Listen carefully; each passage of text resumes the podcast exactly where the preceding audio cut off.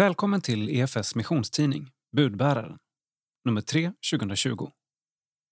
På framsidan ser vi en bild på Kerstin Oderhem med rubriken I nödens och sorgens tid. Så leder Kerstin EFS i krisen. Övriga rubriker. Globalt. Hemma hos Tranefälts. Identitet. James Starr och det livslånga lärandet. Teologi. Luthers pestskrift i vår tid. Innehåll. Sida 4. Gräshoppsinvasion i Östafrika. Sida 5. Dr. Catherine Hamlin har avlidit. Sida 7. Krönika av Kerstin Oderhem. Citat. Nu är Guds tid för världen. Han sträcker sig ut, ber oss att se, att lyfta blicken. Slutcitat. Sida 8. Nyhet. SALT satsar på digital resursbank. Sida 10. Globalt. I kölvattnet av corona. Sida 12. Kerstin Oderhem leder EFS genom coronakrisen. Sida 19. Älska din nästa. Sida 20. Hemma hos familjen Tranefält i Etiopien. Sida 28. Johanna Lunds rektor James Starr om det livslånga lärandet. Sida 36. Teologisk reflektion. Att sörja med Gud. Sida 38. Luthers pestskrift i samspel med vår tids epidemi. Sida 42. Missionsprofil. Lärarinnan och Eritrea-missionären Emily Lundahl. Sida 46. Insändare. Hur är det med arbetsmiljön i kyrkan? Sida 47. Kultur. Psalm 181. Sida 48. Kultur. Den katolska socialläran på svenska. Sida 53. Info. Nytt och aktuellt inom EFS och SALT. Sida 58. Beal. Kyrkan stärker de ungas röst i Malawi. Sida 60. EFS region Mittnorrland. Sida 62. EFS region Västsverige. Sida 65. SALT. Hopp i en tid av besvikelser. Krönika av Johanna Björkman.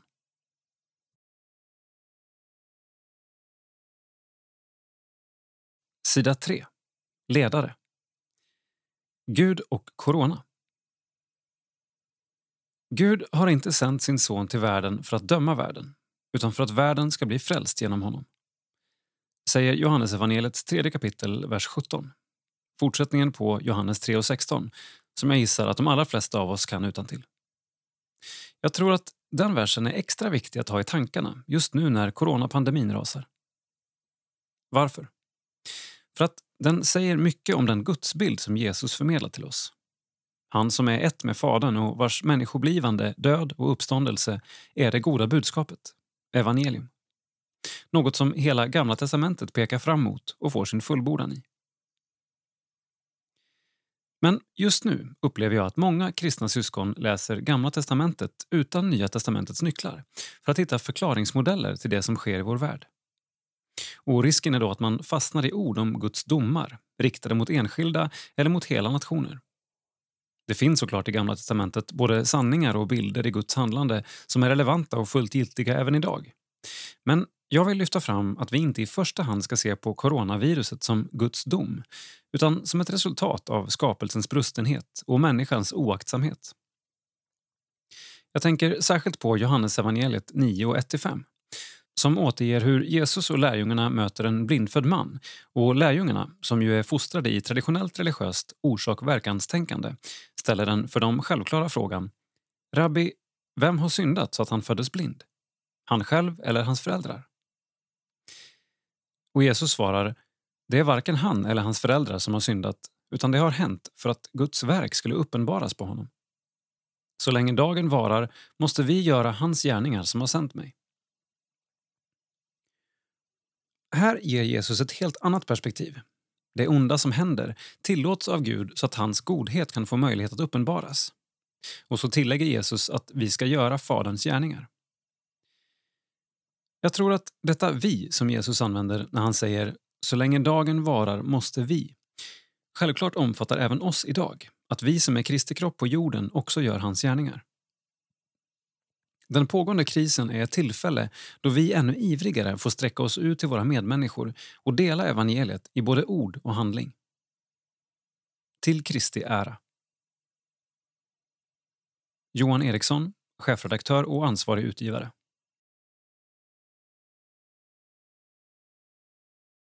Sida 4. Kortnytt.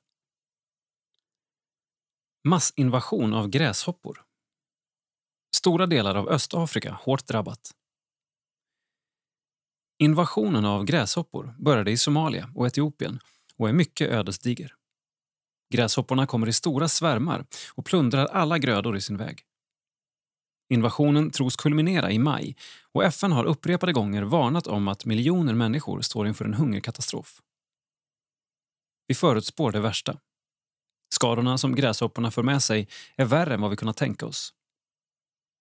Läget i Etiopien är som mest utsatt i södra och sydöstra delarna, säger Ded Jaldessa från EFS samarbetspartner DASSC, en del av Mekane Jesuskyrkan.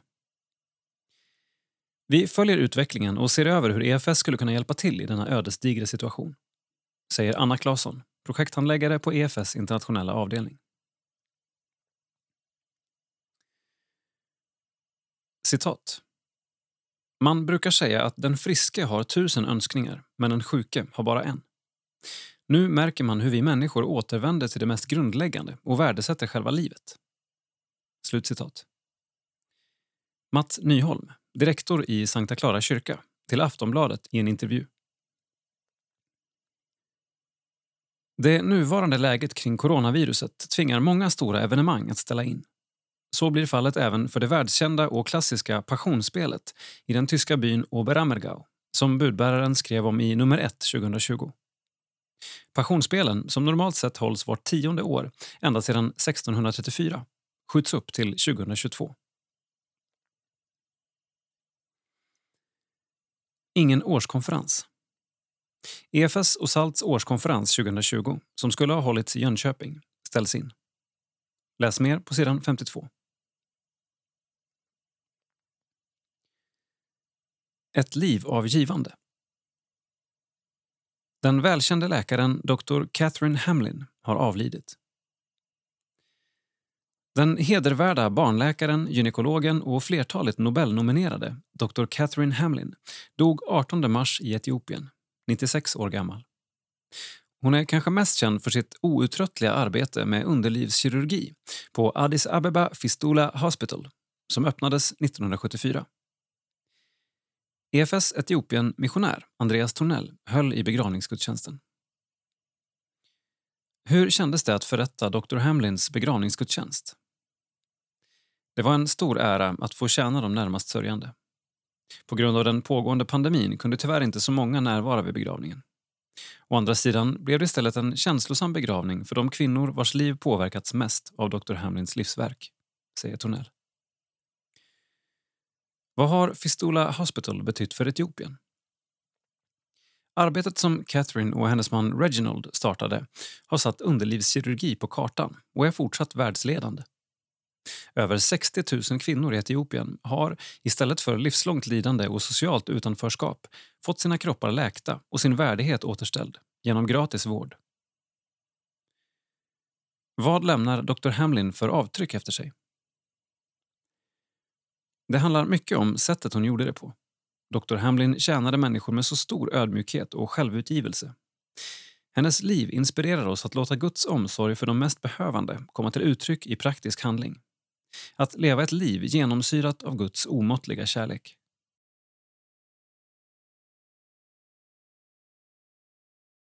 Sida 7. Krönika. När allt runt om verkar rasa står livets Gud kvar skriver Kerstin Oderhem. Hoppets tecken i världen. För första gången på hundra år kommer en stor kris över Sverige i form av en pandemi. Det drabbar hårt en bredd av områden och skapar en stark oro för det vi kallar välfärden. Sjukhusen berättar om material som tar slut och brist på personal. Börsen går neråt i full fart. Arbetslösheten växer och ekonomin försämras för många. När jag läser nyhetsflödet är det som om världen krympt till delar av Europa, Kina och Amerika. Borta är rapporterna om flyktingkatastrofen i Syrien och människorna som flytt till gränsen mot Turkiet. Utblicken mot världen just nu är begränsad till ett tema. Corona. Mitt i allt detta som är oöverblickbart händer det saker i oss. Det är som om krisen plockar fram våra bästa och sämsta sidor. Det finns en egoism som växer och som leder till att man månar om sig själv. Men det finns också en sorts nyfunnen solidaritet och omsorg om varandra som kommer till uttryck i olika konkreta medmänskliga handlingar. Som att handla mat till den granne man tidigare inte pratat med. Det är viktigt att nu påminnas om kyrkans uppdrag, som inte har förändrats. Jesus lever med sina lärjungar i tider av stark oro och den unga kyrkan går in i än svårare tider. Jesu budskap är hela tiden detsamma. Nu är Guds tid. Nu söker han människan. Nu finns det tid att ta emot honom och nu är det tid att älska varandra. Nu är Guds tid för världen. Han sträcker sig ut, ber oss att se, att lyfta blicken. Vi har ett ansvar för att vår utblick och våra relationer fortsätter. Inte bara i trapphuset utan ut över jorden. Den världsvida kyrkan behöver arbeta på, oförtrutet.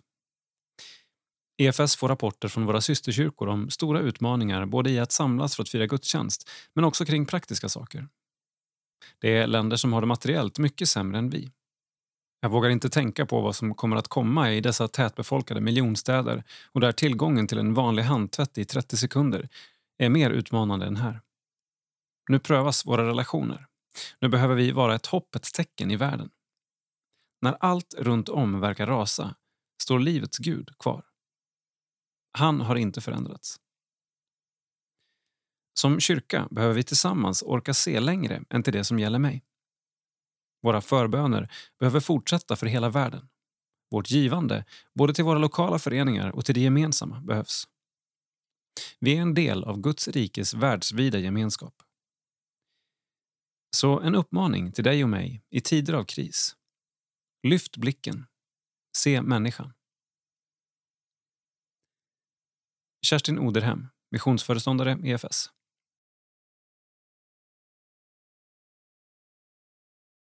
Sida 8. Nyhet. SALT storsatsar på digital resursbank. SALT Plus vill med digital undervisning utrusta framtidens ledare och vara ett stöd för befintliga ungdomsgrupper och hemgrupper. Text och bild Jakob Arvidsson. Coronaviruset har tvingat kyrkan världen över till olika digitala initiativ. Ett initiativ som redan var igång, men som blir än mer aktuellt i tider som dessa, är resursbanken Salt Plus. En hemsida med digital undervisning, framtagen av SALT, barn och unga i EFS. Initiativet är egentligen ett svar på ett behov som har funnits i flera år. Det har nämligen inte funnits så mycket material från oss på Rikskansliet till ungdomsledare när det gäller ledarskap. Med Salt Plus vill vi komplettera de lokala ledarskolorna med god undervisning så att våra ungdomsledare och ungdomsgrupper inte ska behöva hitta på allt själva. Säger projektkoordinatorn Viktor Forsman. På hemsidan finns samlad undervisning från flera olika lärare kring tre olika teman. Lärjungaskap, ledarskap och bibel. Varje lektion innehåller en video och ett dokument som innehåller samtalsfrågor samt de bibelord som lektionen förankrats i. Samtalsfrågorna som följer med är något som är rätt unikt med Salt Plus om man jämför med andra liknande sajter. Istället för att bara konsumera undervisningen vill vi lyfta vikten av att få reflektera tillsammans och processa undervisningen, säger Forsman. Namnet Plus kan på många andra hemsidor innebära kostnader eller någon typ av extra medlemskap. Kring Salt Plus gäller dock raka motsatsen. Salt Plus är helt gratis och utan inloggning. Själva syftet är att det ska vara så lättillgängligt som möjligt. Målgruppen för materialet är bred och på sikt är tanken att Salt Plus ska kunna nå utanför EFS och SALTs gränser. Vi finns i en EFS-kontext, så undervisningen som finns på sidan är något som EFS och SALT rekommenderar och står för. Men vi vill bredda oss också. Det finns massa människor som är duktiga på sina områden, även i andra samfund. Vi vill hitta bra förebilder som är bra för hela kristenheten och som hela kristenheten kan ha nytta av. säger Forsman. I dagsläget vet inte SALT exakt hur många ungdomsgrupper som aktivt använder materialet. Men de har fått många uppmuntrande kommentarer från församlingsledare som bekräftar behovet av en sån här resursbank. Vi vill sträcka ut en hand och etablera mer nätverkande med våra lokala sammanhang och lokala ungdomsledare. SALT Plus ska ju vara en hjälp och något att ha nytta av. Och är det någon gång det är aktuellt eller relevant att ha verktyg på nätet så är det nu, när coronaviruset ställer till det. Säger Forsman och fortsätter. Jag tror verkligen på idén med onlineverktyg i den här tiden. Med eller utan virus. Vi har kommit långt, men det är mycket arbete kvar för att det ska bli etablerat. Potentialen för Salt Plus är jättestor. Salt Plus Salt Plus är en digital resursbank som är helt gratis. På saltplus.nu finns undervisning kring tre olika teman. Lärjungaskap, ledarskap och bibel. Varje lektion innehåller en video samt diskussionsfrågor och bibelhänvisningar. Saltplus riktar sig främst till ungdomsledare, ungdomsgrupper, hemgrupper och konfirmandgrupper.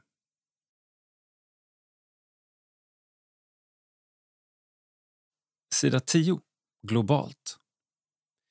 I kölvattnet av corona. EFS missionärer och samarbetsorganisationer berättar om läget i respektive land. Text Dagmar Witt Det förödande coronaviruset påverkar hela världen. Så och EFS samarbetsorganisationer och missionsfält. Trots oroligheter har samtliga missionärer valt att stanna kvar. Etiopienmissionärerna Frida och Andreas Tornell säger så här om den rådande situationen. Detta är ju vårt hem. Barnen har vuxit upp här. Vi har grannar och vänner, får och höns och hund. Vi har ett arbete att göra. Dessutom känns det inte rätt att plötsligt lämna landet. Vi vill dela denna utmaning med vår omgivning här. Och för oss personligen känner vi inte att det är en onödig säkerhetsrisk att stanna kvar i Etiopien. Vi tillhör ingen riskgrupp. För Tanzania-missionärerna, Nora och Hannes Sandahl, ser vardagen annorlunda ut på många sätt. Likt skolorna i Etiopien har även de i Tanzania stängt ner sedan 20 mars. För de flesta barn i Tanzania innebär det i praktiken lov med lek och att driva omkring runt sina hem, förklarar Nora. Deras barn har dock privilegiet att få del av undervisningen på distans.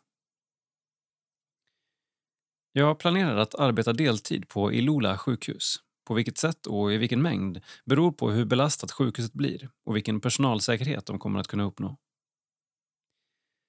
Hannes arbetar fortfarande med stiftets diakonala arbete och förbereder för huvudkontorets påskinsats där stiftspersonalen besöker en utsatt by och några utsatta familjer för att överlämna insamlade gåvor och för att be tillsammans, säger Nora.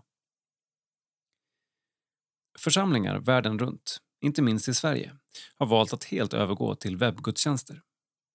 I Tanzania har kyrkorna uppmanats att istället utöka antalet mässor så att besökarna kan sitta mer glest i lokalerna och därmed förhindra trängsel.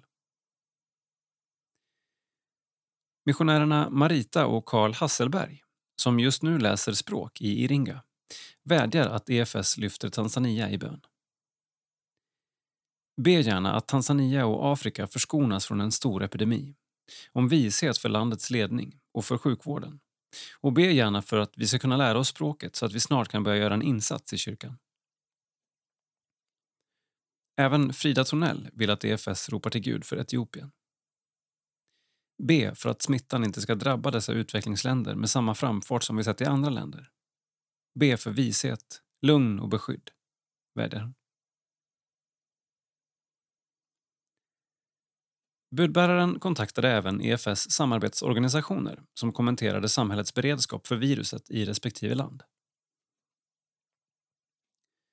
Dr. Kadar Abdillahi Varsan. Det första fallet av coronaviruset bekräftades 16 mars i Somalia och 31 mars i Somaliland. Alla byarna och Varsans partners har upplyst om situationen kring viruset men rädslan för spridningen växer i läger och landsbygdssamhällen där social distansering är omöjligt. Lokala handlare utnyttjar situationen genom att höja priserna på mat vilket drabbar flyktingarna hårt. Varsan behöver ekonomiska medel för att införskaffa tvål, handsprit, vattenreningstabletter och ansiktsmasker. Dr. Rajiv Chudri, Padhar sjukhus, Indien. Bilden ovan. Padhar har inga bekräftade coronafall än och det har inte gjorts några tester i staden. Redaktionens anmärkning 28 mars. Just nu pågår en total nedstängning i Indien vilket drabbar de fattiga som förlorar sina inkomster. Padhar sjukhus har ovanligt få patienter på grund av nedstängningen vilket även påverkar ekonomin.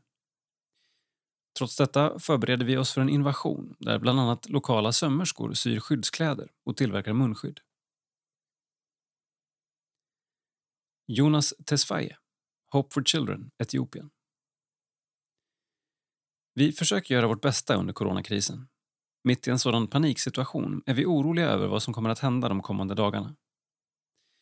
Även om vi vill se effekterna av våra projekt tvingar den nuvarande situationen oss att stänga ner dagis och bromsa utbildningar. Den största utmaningen är nog rädslan som sprids i landet. Hur som helst är vårt hopp i Jesus. Mats Jakob, Kapni, Irak. Kapni har för närvarande stängt ner kontoret och vi arbetar hemifrån. Vi gör inga fältbesök till projekten eftersom städerna i den kurdiska regionen har stängt gränserna.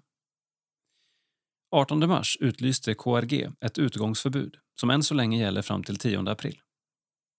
För närvarande, redaktionens anmärkning 2 april, finns det ett covid-19-fall i Duhok. Människor är stressade, men förhoppningsvis kommer allt att fortsätta smidigt. Megersa Arav, Aira sjukhus, Etiopien. Vi är ute efter testkit och febertermometrar för att kunna testa våra patienter för coronaviruset och hoppas att EFS kan stödja oss i detta. Redaktionens anmärkning 5 april.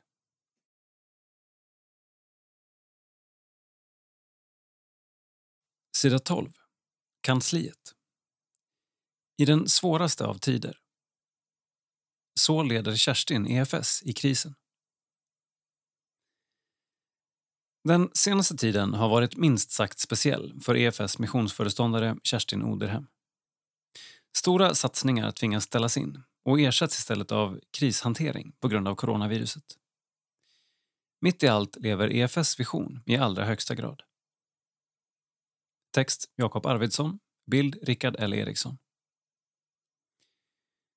Vid tiden för vår intervju går arbetsdagen mot sitt slut och EFS missionsföreståndare Kerstin Oderhem har redan avverkat flera möten under dagen. I princip alla normala arbetsuppgifter har lagts åt sidan för att hantera den allvarliga situation som coronaviruset fört med sig.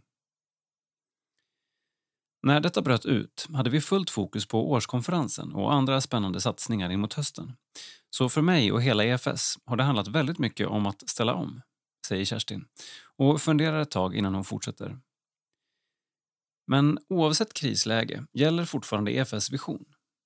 Samhällen och människor förvandlade av Jesus. Vårt fokusområde är alltjämt att nå nya människor med evangeliet. Hur kan vi göra det i tider av kris? I världshistorien har människor alltid gått igenom olika typer av tider. Det är över hundra år sedan det var en stor kris i Sverige och vi saknar erfarenheten att hantera det. Vi ser att Gud möter människor och verkar i tiden som är nu. Då är det en utmaning för oss som missionsrörelse hur vi möter upp det. Kerstin lyfter fram att vårt land just nu är i sorg och att vi behöver visa förståelse för att vi reagerar olika på det som sker. Vi går alla igenom olika typer av sorger just nu. Vi har den nationella sorgen som vi alla berörs av. Sedan har vi den fåniga sorgen. Exempelvis en inställd semesterresa eller en utebliven konsert. Och inte minst den personliga sorgen, när nära och kära dör. Alla sorger behöver få finnas sida vid sida, säger Kerstin och fortsätter. Jag hör om unga människor som blir oroliga för framtiden, som länge har längtat efter sin studentfest och nu får se den försvinna i fjärran. De kan då tycka att livet är helt meningslöst och i ett större perspektiv kan vi som vuxna säga, vad är väl en bal på slottet? Men för många ungdomar är det en viktig milstolpe i livet. Då behöver vi steppa upp och stå sida vid sida i alla åldrar i olika typer av sorger. Vi behöver se varandras sorg och trösta varandra. Det är viktigt att vi visar nåd och förståelse och inte bagatelliserar det vi nu ser hos andra. Till EFS rikskansli i Uppsala har det strömmat in frågor och funderingar. Både praktiska frågor, oroliga frågor och frågor kring hur EFS tänkt anpassa sig till regeringens löpande direktiv. Vi sitter i regelbundna möten, både med kansliledningen och EFS ledningsgrupp. Bland annat för att kunna besvara de som hör av sig. För oss är det väldigt viktigt att vi kan skapa en trygg kommunikation. Vi har såklart påbörjat vissa åtgärder och ser behov av fler åtgärder hela tiden, säger Kerstin.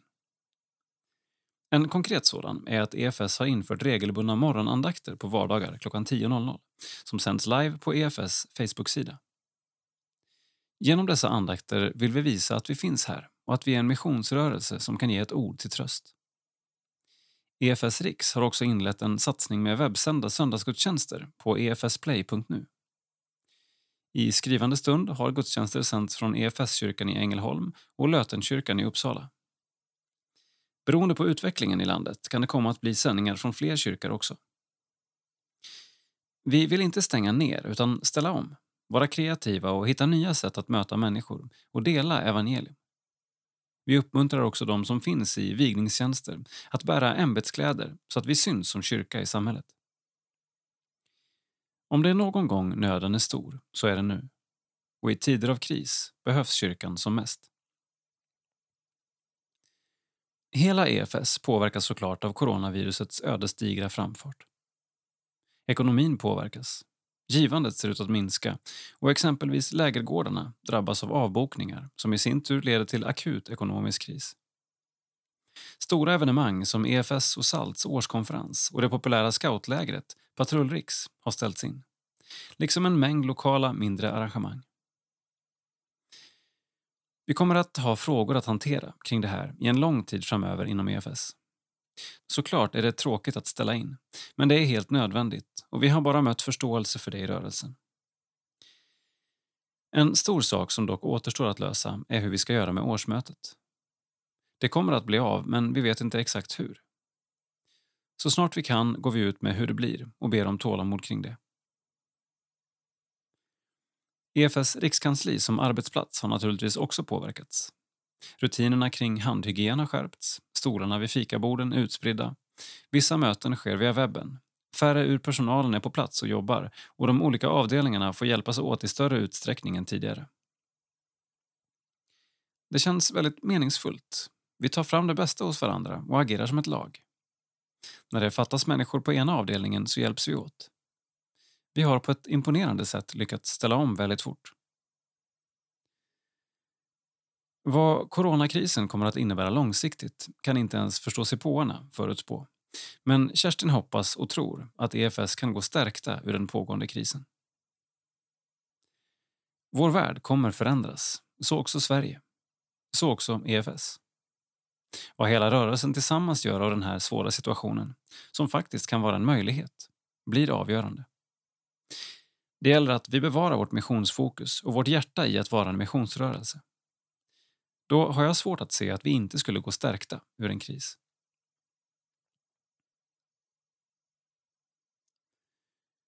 Webb och sociala medier viktiga kanaler för oss.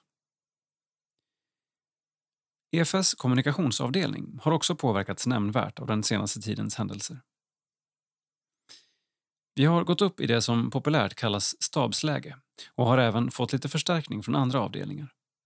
Det är ett högt tempo och många möten där vi hela tiden vill uppdatera oss på de nya direktiven som kommer. I vår kommunikation behöver vi dock inte upprepa allt som andra säger, utan det gäller att anpassa och centrera oss kring det som berör våra verksamheter och vår personal. Säger EFS kommunikationschef Johan Eriksson, på bild till vänster, och fortsätter i en sådan här tid kommer kommunikationen verkligen i fokus. Alla beslut och alla tankar måste kommuniceras ut. Webben och sociala medier blir viktiga kanaler där vi kan kommunicera dagligen. En av våra morgonandakter sågs av 10 800 tittare. Det visar att det uppskattas högt. Budbäraren är också, trots att det är en månadstidning, en fortsatt viktig kanal för oss i den här situationen.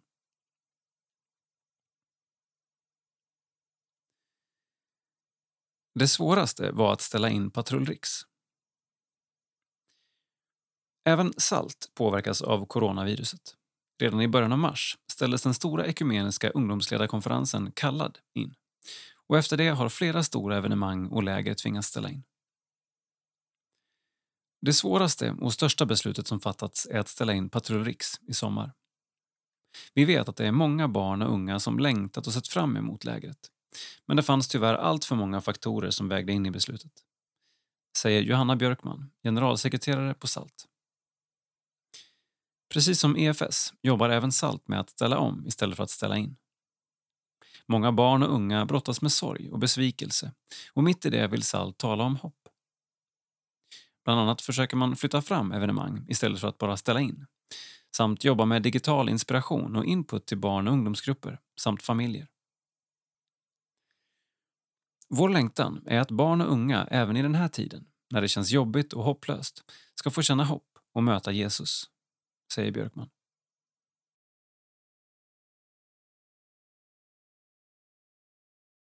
Sida 19.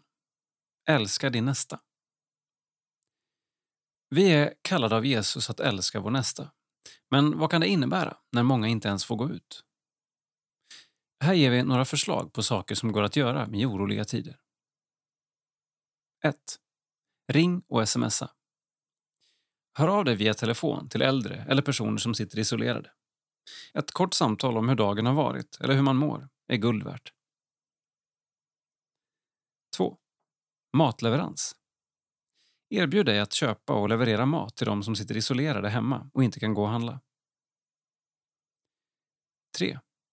Älska din granne. Sätt upp en lapp i trapphuset och erbjud hjälp om folk behöver det. Många vet inte vem de ska höra av sig till för att få hjälp om man blir sjuk och där kan vi hjälpa till. 4. Stöd ditt lokala näringsliv. Butiker och restauranger går på knäna när mycket av den dagliga handeln har avstannat. Du kan exempelvis stödköpa en matlåda på en lokal restaurang eller en bukett blommor på en lokal blomsterbutik. 5. Handskrivna brev. Skriv ett fint vykort eller brev och skicka till någon som du tror behöver uppmuntran. Eller skriv en uppmuntrande lapp och sätt på någons vindrutetorkare. 6. Hjälp till barnen. Nu när många av Sveriges skolor har stängt behöver våra barn och ungdomar läxhjälp. Glöm inte att många barn lever i utsatta familjesituationer. Hur kan din barn och ungdomsgrupp hjälpa de barnen? 7. Bön. Be för dem som du tror kan ha det tufft hemma och erbjud att hjälpa till om det behövs. Du eller kyrkan kanske kan erbjuda en sängplats för någon som behöver komma bort hemifrån ett tag.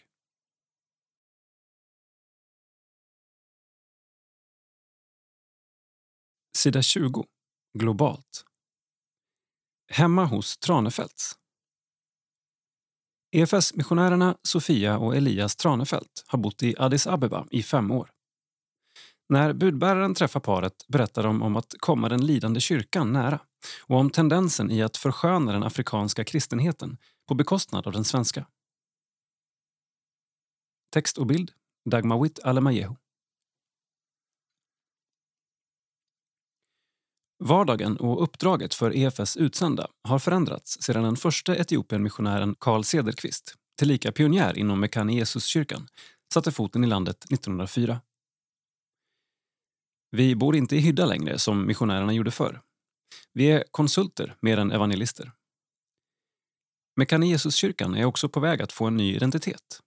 Det är inte bara en fattig kyrka utan också en kyrka med stora tillgångar beroende på var i Etiopien man är säger Elias Tranefelt. De första svenska missionärernas tid i Östafrika präglades av sjukdomar och våldsamt motstånd som ofta ledde till döden. När pandemin covid-19 når Etiopien är det med bättre beredskap. Elias berättar att det mesta hittills är som vanligt i Addis Abeba. Förutom att alla skolor, inklusive Mekane Jesuskyrkans, är stängda för tillfället. Redaktionens anmärkning skrivet 31 mars i avvaktan på hur viruset sprider sig. Vi mår bra, även om vi blir lite rastlösa då våra arbetsplatser är stängda i åtminstone fyra veckor. Vi försöker jobba hemifrån och är glada att internet fortfarande är igång och att vi får lite mer tid för varandra i familjen. Flera delstater är stängda. Man ser mycket mindre folk ute på stan. De skakar inte hand. Många har munskydd och det talas om total lockdown även här. Samhälleliga åtstramningar kan leda till politiska oroligheter i landet och då kanske saken hamnar i ett annat läge för oss och vi tvingas försöka komma till Sverige. Paret Tranefelt bor i ett inhägnat hus inom Mekane Jesus seminariets campus. Deras två tvillingpar, Gabriel, Josef, Emanuel och John, leker med hunden Sissi på gården och familjens barnvakt Abainesh gör sig i ordning för att gå hem för dagen. Esgiaber kenante gare jehun. Må Gud vara med er, säger hon. Guds ord är en central och daglig del i paret Tranefelts liv, i både andakt och vardag. Elias undervisar i exegetik vid Mekanesuskyrkans teologiska seminarium och Sofia är översättningsrådgivare och arbetar med bibelöversättning i samarbete med Folk och språk. Just bibelöversättningen var deras väg in i Etiopien. Innan de flyttade år 2015 hade de en längre tid längtat efter denna typ av arbete och Erik Johansson, EFS internationella missionssekreterare, föreslog att paret skulle överväga att flytta till ett land där EFS redan hade infrastruktur för missionärer. SIL, en av organisationerna som arbetar med bibelöversättning här i Etiopien, ville gärna ha med mig. Mekane Jesuskyrkans seminarium hade samtidigt ett behov av lärare så det passade bra för Elias som har en master i teologi. Vi hade nog snarare hoppats att vi skulle hamna i Sibirien eller så, för vi har lite svårt med värme. Föga visste vi hur kallt det faktiskt kan bli i Addis, säger Sofia. Då hade de en begränsad kunskap om Etiopien, men språkentusiasten Sofia var exalterad över att det talas runt 80 språk i landet. På seminariet hörs Amarinja och Oromifa i korridorerna bland studenterna innan budbärarens utsända träffar Elias utanför ett av klassrummen. Kursens sju studenter droppar in en efter en. Studentkontakten och hela idén om bibelundervisning är min passion. Det är en väldigt kreativ miljö här på seminariet för den som vill hitta på lösningar själv. För det finns rätt få givna ramar för hur undervisningen ska gå till. I Sverige var jag präst och det var ju en del undervisning i det. Men jag trivs väldigt bra med att arbeta helt och hållet som lärare. Denna dag undervisar Elias utifrån Johannes evangeliet och om Jesus förhållande till Fadern. Etiopiens utveckling och utmaningar speglas ständigt i samhällets alla led, inte minst i Elias klassrum. Där sitter till exempel prästen Paulus Adem från den lutherska kyrkan i Eritrea tack vare fredsavtalet mellan Eritrea och Etiopien. Hans närvaro hade varit omöjlig bara för något år sedan. EFS sponsrar nu hans och ännu en eritreansk prästs vidareutbildning vid seminariet. När det är dags för diskussion uppmuntrar Elias eleverna att delta. Jag kommer inte att underkänna er för vad ni säger, bara om ni inte säger något alls. Alla här räknar med Bibeln som en auktoritet.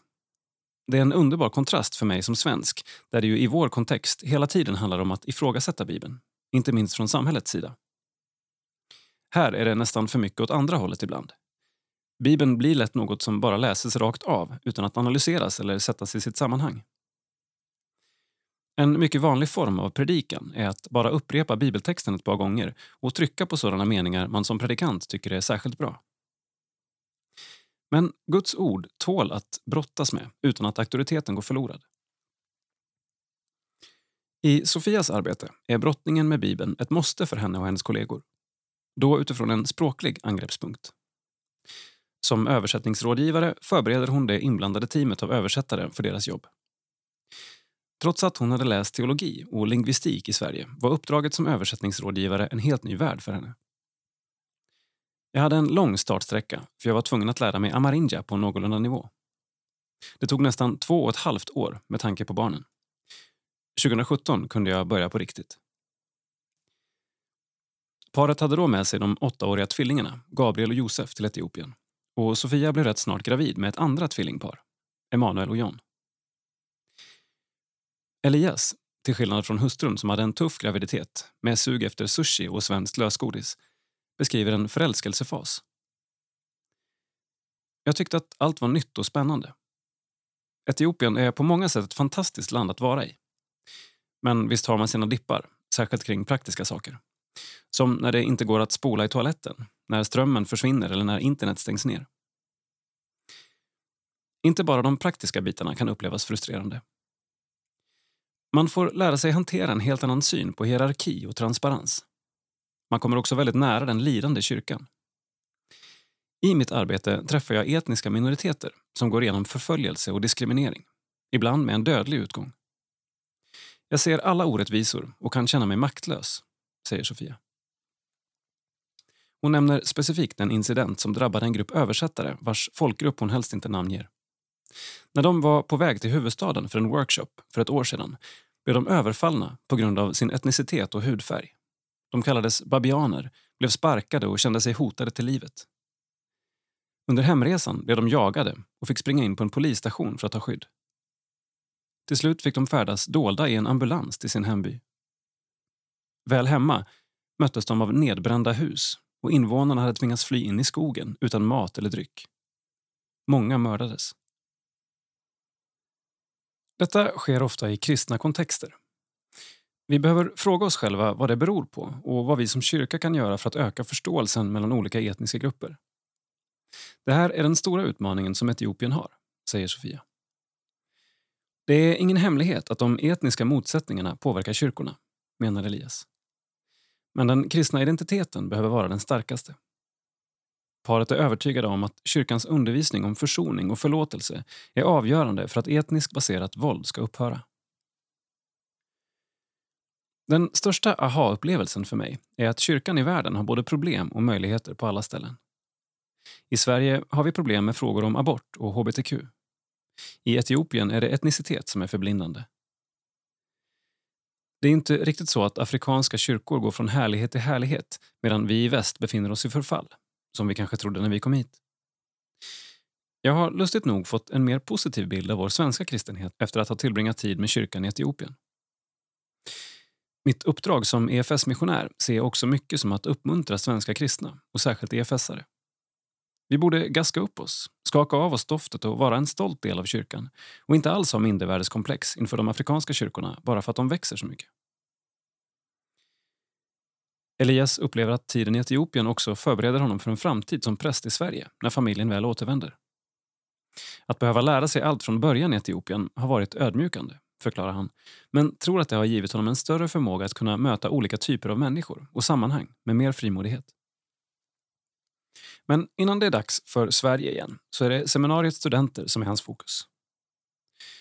Något jag ofta återkommer till nu för tiden efter mina år här är vikten av att fördjupa och utveckla det partnerskap vi har med Mekane Jesus.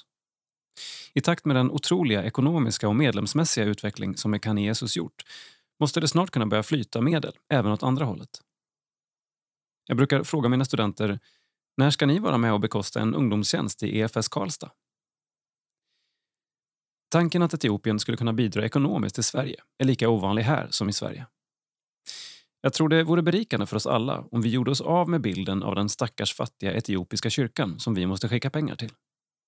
Det är en djupt förminskande syn på världens största lutherska kyrka som skulle kunna vara med och forma svensk kristenhet lika mycket som vi har varit med och format etiopisk. Sofia och Elias Tranefelt. Bor Addis Abeba, Etiopien. Familj. Tvillingarna Gabriel, Josef 13 år, Emanuel och John 5 år. Uppdrag. Att undervisa i och översätta Bibeln i Etiopien. Brinner för. Att uppmuntra EFS-församlingar. Sofia. Bibelundervisning. Elias. Men evigt varar Herrens nåd mot dem som fruktar honom. Hans trofasthet når till kommande släkten när man håller hans förbund och minns vad han befallt och lyder.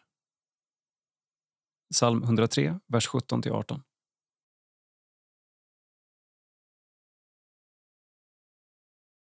Sida 28. Tema identitet. Passion för lärande. En lagspelare som vill skapa konsensus. En amerikan som har svårt för pappaskämt. Dessutom litteraturvetare, teolog och rektor vid Johannelunds teologiska högskola. Budbäraren möter mångsidige James Starr. Text Malina Abrahamsson. Bild Jakob Arvidsson. Det är söndag och en kompis som är ny i Lötenkyrkan i Uppsala sitter ensam i kyrkbänken. James Starr, som tillhör församlingen, ser det och frågar om hon vill fika med honom och hans fru efteråt. Så trion slår sig ner runt fikabordet och börjar småprata om sina jobb. James berättar att han arbetar på Johannelunds teologiska högskola. Först efteråt får min kompis reda på att han är skolans rektor. Scenen är typisk för James Starr. Han är inte den store ledaren som vill imponera med titlar eller briljera med sin kunskap. Allt bottnar i hur han ser på ledarskap. Jag är inte bekväm med hierarkier och tycker inte att de är kompatibla med evangeliet. Det är bara Jesus Kristus som är Herren med stort H. Jesus säger att vi som tillhör honom är som grenar på vinstocken. Ingen gren är mer gren än någon annan. Alla har direkt kontakt med Herren. Sedan har jag som ledare fått ett förtroende och ja, en viss makt. Mm, ordet känns väldigt främmande i munnen. Vi möts i hans arbetsrum på Johannelund. Väggarna är täckta av böcker och de flesta titlar verkar handla om Nya testamentet. Ämnet som James Starr är docent i. Kärleken till litteratur i allmänhet och Bibeln i synnerhet väcktes tidigt. På mellanstadiet läste jag Narnia och Sagan om ringen och även om de är fantasiberättelser gav de mig en stark känsla för hur himmelriket känns. De vittnade om Guds godhet och sanning. Och så läste jag igenom hela Bibeln, vilket var en stor upplevelse, berättar han. Den amerikanska accenten hörs när han talar. James Starr är född i Michigan, USA och bodde under uppväxten i flera amerikanska stater. Både mamman och pappan var djupt troende och James berättar att familjen gick i kyrkan varenda söndag utan undantag. Ja, absolut utan undantag, lägger han till. Han talar om barndomen med värme. Föräldrarna bjöd ofta hem till bibelstudier och den lille James fick sitta med och lyssna när de pratade om tron. De var också tydliga med att beslutet att följa Jesus inte var något man tog lättvindigt. Som tioåring grubblade jag kring hur jag skulle förhålla mig till Jesus. Jag var inte barndöpt och mina föräldrar sa när du väl ger ditt liv till Jesus kan du inte ta tillbaka det. Jag låg sömnlös på nätterna och funderade. Jag trodde på Jesus och hade lärt känna honom men var jag beredd att erkänna honom som Herre över mitt liv? Här blir jag fundersam. Var James verkligen bara tio år när han hade den typen av djupa tankar? När jag själv var i samma ålder lekte jag med Barbies och tänkte mest på vilken låt jag skulle mima till på roliga timmen. Jo, jag var tio. Jag förde dagbok och minns att det var ganska mycket ångest kring beslutet, förklarar han. Två händelser gjorde att han till sist valde att döpa sig. Det ena var en väckelse bland Jesusfolket som bröt fram i hans hemförsamling. Barfota hippies med långt hår och batiktröjor strålade av glädje över sin nyvunna tro och blev förebilder för James. Det andra var två filmer som förändrade hans syn på Jesus. Godspell, som egentligen är teologisk förfärlig, som han säger, och The Greatest Story Ever Told. Filmerna gjorde att Jesus blev personlig, en riktig människa som ville känna just mig. Efter dopet var James Starr en annan. Han berättar att han aldrig varit sådan evangelist som då. Han delade ut Johannes evangeliet till sina kompisar, pratade om Gud och bjöd in till kyrkan. I årskurs 6 berättade han för sin lärare att han skulle bli missionär. Till svar fick han höjda ögonbryn och ett “men lilla gubben”. Men missionär blev han, om än på ett annorlunda sätt. Först blev det universitetsstudier, engelsk litteratur vid University of Virginia. Under tiden var James med i en blomstrande studentrörelse i det som motsvarar Svenska Credo. Samtidigt gick den presbyterianska kyrka han var med i från 200 medlemmar till 1000 på bara några år. Jag har gång på gång haft välsignelsen att få en försmak av Guds rike. Det har jag burit med mig hela livet, berättar han. Men det fanns en baksida. I sin iver att ta tron på allvar ville James hela tiden höja ambitionsnivån. Mer bön, mer bibelläsning. Till slut rasade korthuset. Som 21-åring tänkte jag, vad förväntar sig Gud av mig? Jag mäktar inte med. Då försökte jag faktiskt sluta vara kristen. Jag såg hur till synes obekymrat mina icke-kristna kompisar levde och kände avund. Men även om jag försökte sluta vara kristen gick det inte. Det var som att Gud hade handen på min axel och drog mig tillbaka. Och jag kom tillbaka. Förkrossad och med en större ödmjukhet. Jag insåg att jag inte kan prestera någonting och sa till Gud, om du vill ha mig vill jag vara kvar. Det är här jag hör hemma. När James berättar tänker jag på hur ovanligt det är att en man i hans ålder pratar så ärligt och känslosamt om sin trosresa. Han värjer inte för det svåra och berättar också att han under flera år upplevde Guds tystnad oerhört smärtsamt. Som en själens dunkla natt. I efterhand har han accepterat det som ett trons grundvillkor. Ibland får vi uppmuntrande vägskyltar som visar att vi är på rätt väg i form av bönesvar, härlig lovsång och god gemenskap. Men på vissa sträckor i skogen är det glest med vägskyltar. Ändå är man på rätt väg, konstaterar han. Tidigt i livet hade James en känsla av att hans livsväg inte var att stanna i USA.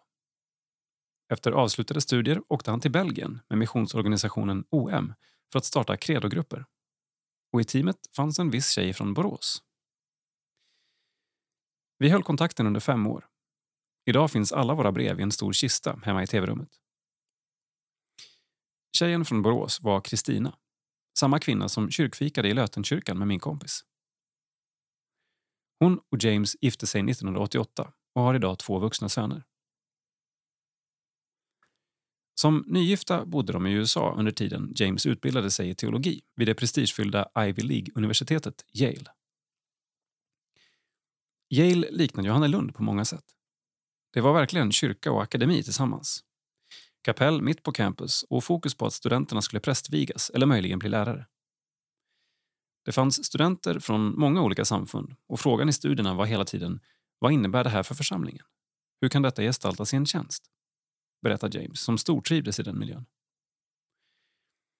Jag läste så mycket bibelkunskap jag bara kunde och tillbringade mina dagar och kvällar i något av de stora, härliga biblioteken. Dessutom jobbade alla studenter i någon församling minst tio timmar i veckan. Blandningen av teori och praktik var en självklarhet. När James beskriver Johannelund är det samma blandning som han lyfter fram. Vissa studenter kommer hit med en ganska tunn församlingserfarenhet så vår uppgift är att visa på hur teologin och församlingslivet kan integreras. Därför är vi måna om att teologi på Johannelund aldrig ska vara ett abstrakt akademiskt ämne utan något levande som gestaltas i såväl mötet med lärarna som i gemensamma veckomässor, morgonböner och mentorsgrupper. En styrka som Johannelund har är också att man som kristen akademiker inte behöver inta försvarsställning. Vi förutsätter Guds existens och att han har uppenbarat sig i Jesus. Det är en helt försvarbar filosofisk utgångspunkt. Utifrån det kan vi sedan vara självkritiska och ställa frågor kring vad en viss teologi innebär för församlingen. James Starr har arbetat på Johannelund sedan 2001. Han kom i kontakt med EFS under doktorandtiden i Lund då han och Kristina var medlemmar i EFS-kapellet. När forskartjänsten löpte ut blev han tipsad av sin handledare, Birger Olsson, att Johannelund sökte ny lektor i Nya testamentet. På den tiden var allt norr om Hässleholm som Norrland för mig och Uppsala var helt okänd mark. Men jag sökte tjänsten, blev kallad till intervju och stortrivdes med personalen och studenterna. Jag trodde aldrig jag som utlänning skulle få tjänsten så jag var mer avslappnad än jag borde ha varit egentligen. Men jag minns att jag och de som intervjuade mig skrattade en hel del tillsammans. Humor har fortsatt varit viktigt för James. Under vår intervju skrattade jag flera gånger åt hans självdistans och komiska timing. Jag gillar inte pappaskämt så jag försöker ha min egen humorstil, säger han. Det finns till och med forskning som säger att om man skrattar är man mer avslappnad och då kan man lättare ta in det som sägs. Jag försöker ha med det i mitt ledarskap. Hur skulle du mer beskriva dig själv som ledare? Jag vill skapa konsensus och se till att allting förankras i arbetslaget. Det ska inte vara jag som pekar med hela handen. Men är det ens möjligt att skapa konsensus? Kanske inte att alla är med, men att majoriteten är det. Jag vill att man ska känna att vi har en gemensam vision och idé som vi försöker förverkliga. Därför jobbar hela arbetslaget tillsammans när det gäller verksamhetsplan till exempel, säger han och fortsätter. Under tre år var jag pastor i en församling i USA och innan jag slutade gjorde jag en femårsplan för att de skulle ha en riktning framåt. Men ganska snabbt insåg jag att det där verkligen var James tankar om församlingen och inte församlingens tankar. Så det blev inte så mycket av allt det där. Det har jag burit med mig som en lärdom. James Starr har varit rektor i snart två år. När någon frågar om Johannelund är hans standardsvar att det är mycket som är bra. Sedan sticker han inte under stol med att de senaste fem åren har varit turbulenta. Johannelund har genomgått en stor och utdragen ombyggnation. Svenska kyrkan drog in praxisåret och allt fler studenter pluggar på distans. När Kjell O Lejon slutade som rektor efter tre år beslutade man att göra en intern rekrytering och sökte någon som kunde fungera som en stabiliserande faktor. På frågan om varför det blev just James Starr är han blygsam. Det fanns inte så många andra att fråga. När han utvecklar sitt resonemang fokuserar han inte på sig själv utan lyfter fram Johanne Lund. Det är en fantastisk skola. Strategiskt viktig, inte bara för EFS utan för hela Svenska kyrkan. Det är den enda medvetet lutherska utbildningen i Sverige som dessutom förmedlar en roseniansk spiritualitet och har fokus på bekännelsen om Jesus. Den får vi aldrig tappa. James Starr säger att han ofta påminner både sig själv och kollegiet om att ha Jesus i centrum. Tidigare studenter intygar att det också är så. Engagerad, entusiastisk och tillgänglig för elever är andra omdömen som återkommer när de beskriver James som lärare. Men hur är han som rektor? Själv säger han att det varit en omställning att byta tjänst och att han inte riktigt landat än.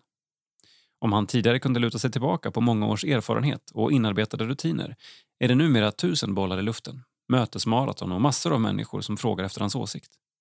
Ibland ter sig tillvaron överväldigande. Jag är ju litteraturvetare och teolog, inte administratör eller ekonom. Så jag märker att jag är mycket mer beroende av Gud nu. Jag ber mer, annars klarar jag det inte.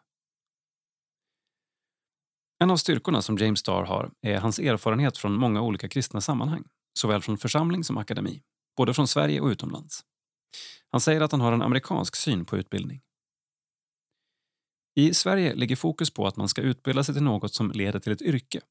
Men i USA pratar man mer om bildning, både allmänbildning och om att man som människa ska utvecklas intellektuellt hela livet. Bildning är således viktigt för James. Jag följer honom på bokrecensionssajten Goodreads. Där har han bland annat gett en stjärna till Nabokovs Lolita och fem till Hamlet och Brott och straff. Hur hinner du läsa så mycket? Jag lyssnar på ljudböcker när jag går hundpromenad, så då blir det en bok i veckan. Annars hade jag aldrig hunnit. Men läsningen är också en livsstil.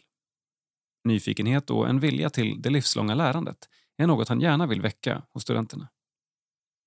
Jag hoppas att våra studenter ska känna att de bara har börjat lära känna Bibeln, kyrkans historia och sin tro och att det finns mycket mer att fundera på och att fördjupa sig i.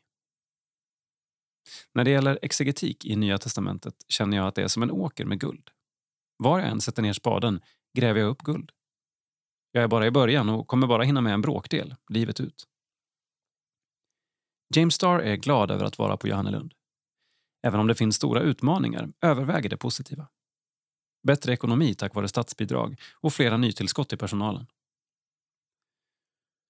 Jag har varit här länge och tänkt på och drömt om vad vi kan göra.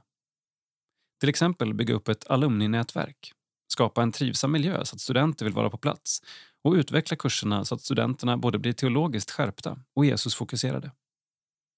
Nu hoppas jag att drömmarna kan bli verklighet. James Starr. Ålder 58 år. Familj. Hustrun Kristina, hunden Kaleb, hebreiska för hund och två vuxna utflugna söner. Bor. I kedjehus en kilometer från Johannelund. Brinner för. Johannelund. Bra präster till våra församlingar. Drömmer om. En cykelsemester med min fru. Läser just nu. Fyra böcker parallellt förutom Bibeln.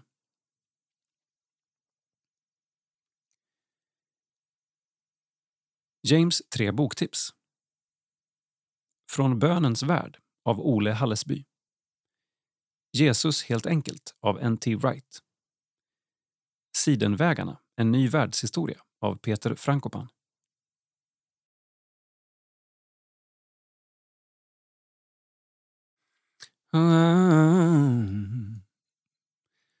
Sida 36. Teologisk reflektion. Att sörja med Gud. När vi drabbas av lidande och sjukdom, när drömmar går i kras och när vi tvingas ta avsked av någon som vi älskar, vad gör vi då? Vi behöver lära oss att sörja och erfara att våra tårar kan rena vår blick. Text Kristoffer Abrahamsson. Illustration Benjamin Kruse. Vi har nog alla varit med om att mista något eller någon som vi håller kär. Det kan vara hälsan som vacklar, ett jobb som togs ifrån oss eller en vän eller familjemedlem som gått bort. När något sådant sker, när livet drabbar oss, fylls vi av frågor. Varför just jag? Varför måste min mamma dö? Vad gjorde att det var just jag som blev uppsagd? Varför hände det här mig? I de här lägena blir smärtan ofta så stor och outhärdlig att vi gör allt vi kan för att dölja eller döva den. Hur vi flyr varierar. En del flyr till distraktioner, andra till andliga upplevelser och somliga projicerar besvikelsen på omgivningen. Det finns en risk att vi flyr bort från sanningen, bort från Gud. Det finns också en risk att vi fastnar i frågorna. Att fråga varför något händer är berättigat, men ofta går inte frågorna att besvara. Det onda är meningslöst och tomt. Ändå fortsätter vi att fråga och riskerar då att hamna i ett ältande som gör att vi gräver oss djupare ner i oss själva. Slutligen står vi i botten där det enbart är jag, mig och mitt som ryms. Hjärtat blir hårt och händerna knyts. Bitterheten har slagit rot. Hebreerbrevets författare varnar oss. Vaka över att ingen kommer bort från Guds nåd och att inte någon bitter rot skjuter skott och blir ett fördärv som angriper många. Hebreerbrevet 12 och 15. En bitter person vill inte ha någon hjälp. Hon har tillslutit sitt hjärta mot allt och alla, även Gud. Bitterheten kan bli som en drog. Jag blir hög på att jag får vara i människors centrum och att omgivningen anpassar sig efter mig. Men bitterheten leder inte till liv, bara till mer självupptagenhet. Hur kan vi istället ta oss vidare? Undvika såväl flykt som bitterhet. En sak är avgörande. Att tala sant med Gud. I bönen lär vi oss att sätta ord på verkligheten tillsammans med Gud. Gud vill möta oss i det liv som är vårt och därför får vi öva oss på att sätta ord på hur vårt liv faktiskt är. I sorgen behöver vi söka ärlighet och uppriktighet. Saltaren är en ljuvlig gåva till oss som sörjer. Här får vi hjälp av andras böner att sätta ord på det som finns i vårt inre. Ett exempel. Rädda mig, Gud. Vattnet når mig till halsen. Jag har sjunkit ner i bottenlös dy och har inget fotfäste. Psalm 69, vers 2-3a. Ur de bönerna riktas min blick mot Gud och hans ljus kan tränga in i mitt liv. I den bibliska litteraturen ryms hela livet, både dagar av glädje och dagar av sorg. Det handlar därför inte om att förneka sorgen, utan snarare att förhålla sig till sorgen på ett sätt som för oss närmare Guds nåd. Det är genom att öppna upp mig för Gud i bönen och de i min omgivning som självömkan sakta kan börja tappa sitt grepp över mig. Nåden tränger in i mitt liv och vidgar min blick. När bitterheten säger “jag har det sämre än jag förtjänar” svarar nåden “jag har mer än jag förtjänar”. Samtidigt finns det ju sådant vi måste få sörja. I kyrkans gemenskap behöver vi bereda plats för sorgen i våra gudstjänster. Paulus uppmanar oss Gråt med dem som gråter. Romarbrevet 12 och 15b. Den självvalda ensamheten kan vara befriande. Jag får vara i fred. Men den ofrivilliga ensamheten är en förbannelse. Att gråta med andra är helande. Vi måste låta vårt kyrie inte bara vara en transportsträcka mot lovsägelsen utan faktiskt få vara en bön ur djupet av våra liv om Herrens förbarmande över oss och vår värld. Vi erfar då det Jesus säger. Saliga de som sörjer, de ska bli tröstade. Matteus 5 och 4a. I sorgen förnekar jag inte det jag varit med om, men öppnar upp mig för Guds nåd som kan trösta mig och hela mina sår. Mina sår och min sorg är inte ett hot mot min gudsrelation, utan en kontaktyta till Gud. När såren väl helats och blivit till ärr vittnar de om Guds trofasthet och godhet, mitt i livets helvete. Och är det kanske just detta som är sorgens stora men smärtsamma gåva? Att när livet går sönder faller det som inte är sant. Bra teologi bär oss, även i sorgen och smärtan. När livet går sönder tappar somliga frågor relevans. Vi överlämnar oss och våra frågor till Gud. Det vi längtar efter är inte andliga upplevelser, utan Gud själv. Vi längtar efter Jesus. Bitterheten är ett fängelse som låser in oss i självömkan. Nåden är ett öppet fönster som släpper in ny luft i våra hjärtan. Guds väg till våra hjärtan går genom våra sår. Tårarnas gåva renar vår blick och vidgar vårt hjärta. I sorgen öppnar vi oss för Jesu sårmärkta händer.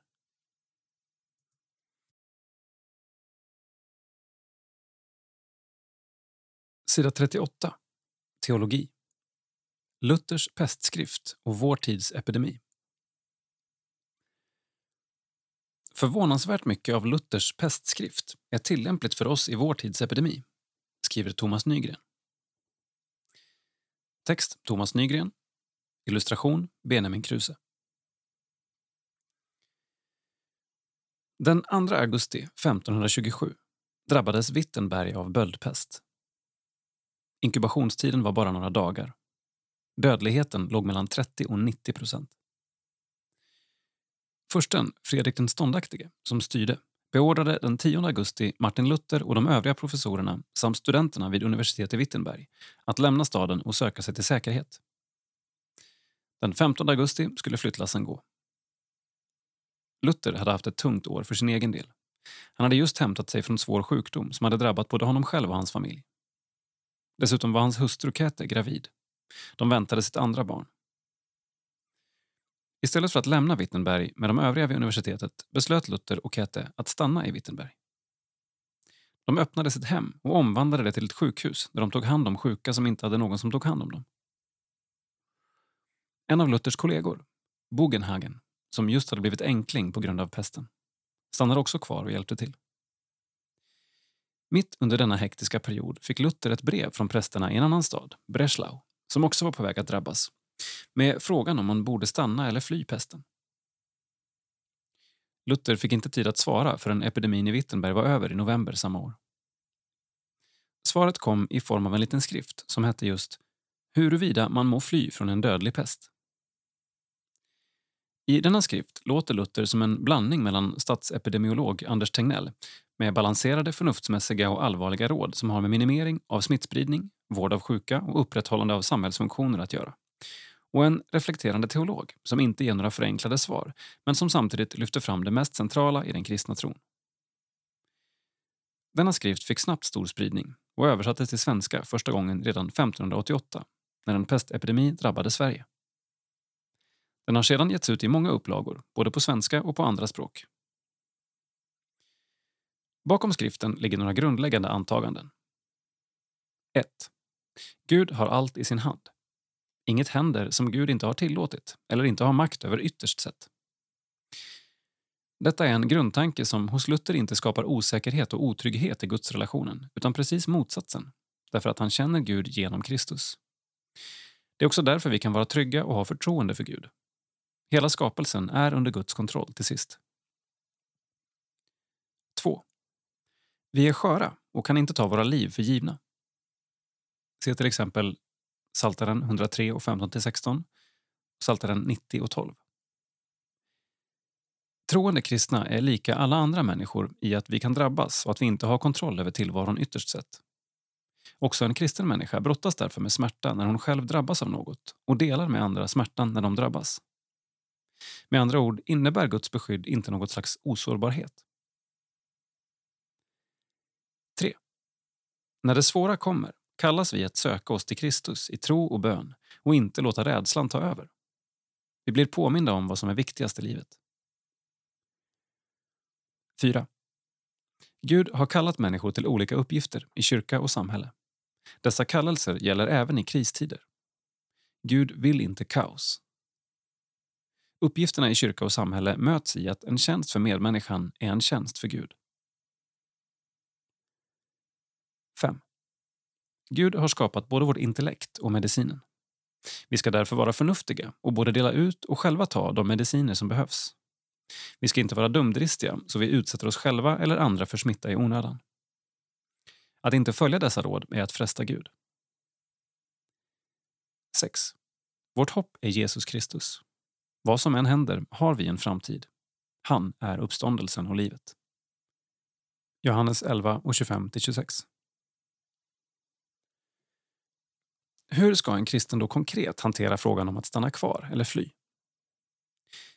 Efter en inledande fras om att beslut om att stanna eller fly är något som den enskilde själv måste fatta ger Luther rådet att de som arbetar i kyrkan bör stanna kvar och finnas till hands för sjuka och döende. De utsatta behöver den tröst och det stöd som ordet och sakramenten kan ge dem. Om det är fler präster på plats än vad situationen kräver ska de som inte behövs skickas iväg så de inte utsätts för onödig risk. De som har officiella uppdrag i samhället ska också vara kvar för att ordningen ska bevaras och hindra att till exempel plundring sker. De som har den typen av uppgifter kan bara fly om de ordnat fungerande ersättare.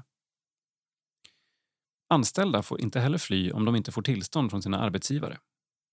Inte heller får de som är herrar fly och lämna sina underordnade i sticket om de inte ordnat för dem på ett bra sätt. Samma sak gäller föräldrar och barn som också är ansvariga för varandra. Sammanfattningsvis kan en kristen fly om det finns tillräckligt många kvar som följer de uppgifter som behöver göras. Det är en naturlig reflex som Gud har gett oss, att vi vill rädda våra liv. Och detta är inte heller något som är förbjudet, skriver Luther vidare. Han tillägger dock att det inte ska ske på ett sätt som är emot Gud eller min nästa. Den onde vill att vi i sådana här hotfulla situationer ska misstro Guds vilja att hjälpa oss samt fly ansvaret för våra medmänniskor och bara tänka på oss själva. Luther påpekar i sin lilla skrift att den som bara hjälper sin nästa när det inte kostar honom något aldrig kommer att hjälpa någon. Som motgift mot detta lyfter han fram att Gud själv är läkaren. Gud är den som ger beskydd. Psalm 91 och 11-13. Därför uppmanar han oss att inte bli så desperata att vi glömmer att tjäna vår nästa. Det vi gör för våra minsta, det gör vi för Gud. Matteus 25 och 40. Frågan om den betoning Luther ger åt att Gud har all makt inte ytterst leder till passivitet inför det som sker besvarar han med några exempel. Om det börjar brinna i huset försöker man givetvis släcka. Faller man i djupt vatten försöker man simma för att rädda sitt liv. Om vi ser allt som Guds ofrånkomliga straff som vi inte ska kämpa emot innebär det att vi i praktiken inte längre ber med i Vår Fader när vi kommer till bönen utan rädda oss från det onda. Nej, vi behöver be om beskydd och vara på vår vakt mot det onda på bästa sätt och handla i enlighet med hur vi förstår vad det innebär att följa Gud. I en sammanfattning mot slutet av skriften säger Luther att den kristne med fördel ska tänka så här. Okej, okay, genom att Gud gett sin tillåtelse har fienden sänt oss gift och avskräde. Luthers omskrivning för pesten. Därför ska jag be Gud att i sin nåd beskydda oss. Därför ska jag desinficera, hjälpa till att rena luften, dela ut medicin och ta medicin. Jag ska undvika platser och personer som inte behöver min närvaro för att inte bli smittad och på det sättet sprida smittan vidare till andra och förorsaka deras död på grund av min försummelse. Om Gud vill ta hem mig kommer han att göra det och då har jag gjort vad han förväntar sig av mig. Och jag blir varken ansvarig för min egen död eller andras. Men om min granne behöver mig ska jag inte undfly vare sig platser eller personer utan frivilligt gå. Detta är en sund gudsfruktan som varken är övermodig eller dumdristig och som inte frestar Gud. Min översättning. Vad i Luthers pestskrift är tillämpligt för oss i vår tids epidemi? Förvånansvärt mycket. Jag sammanfattar med följande tre punkter.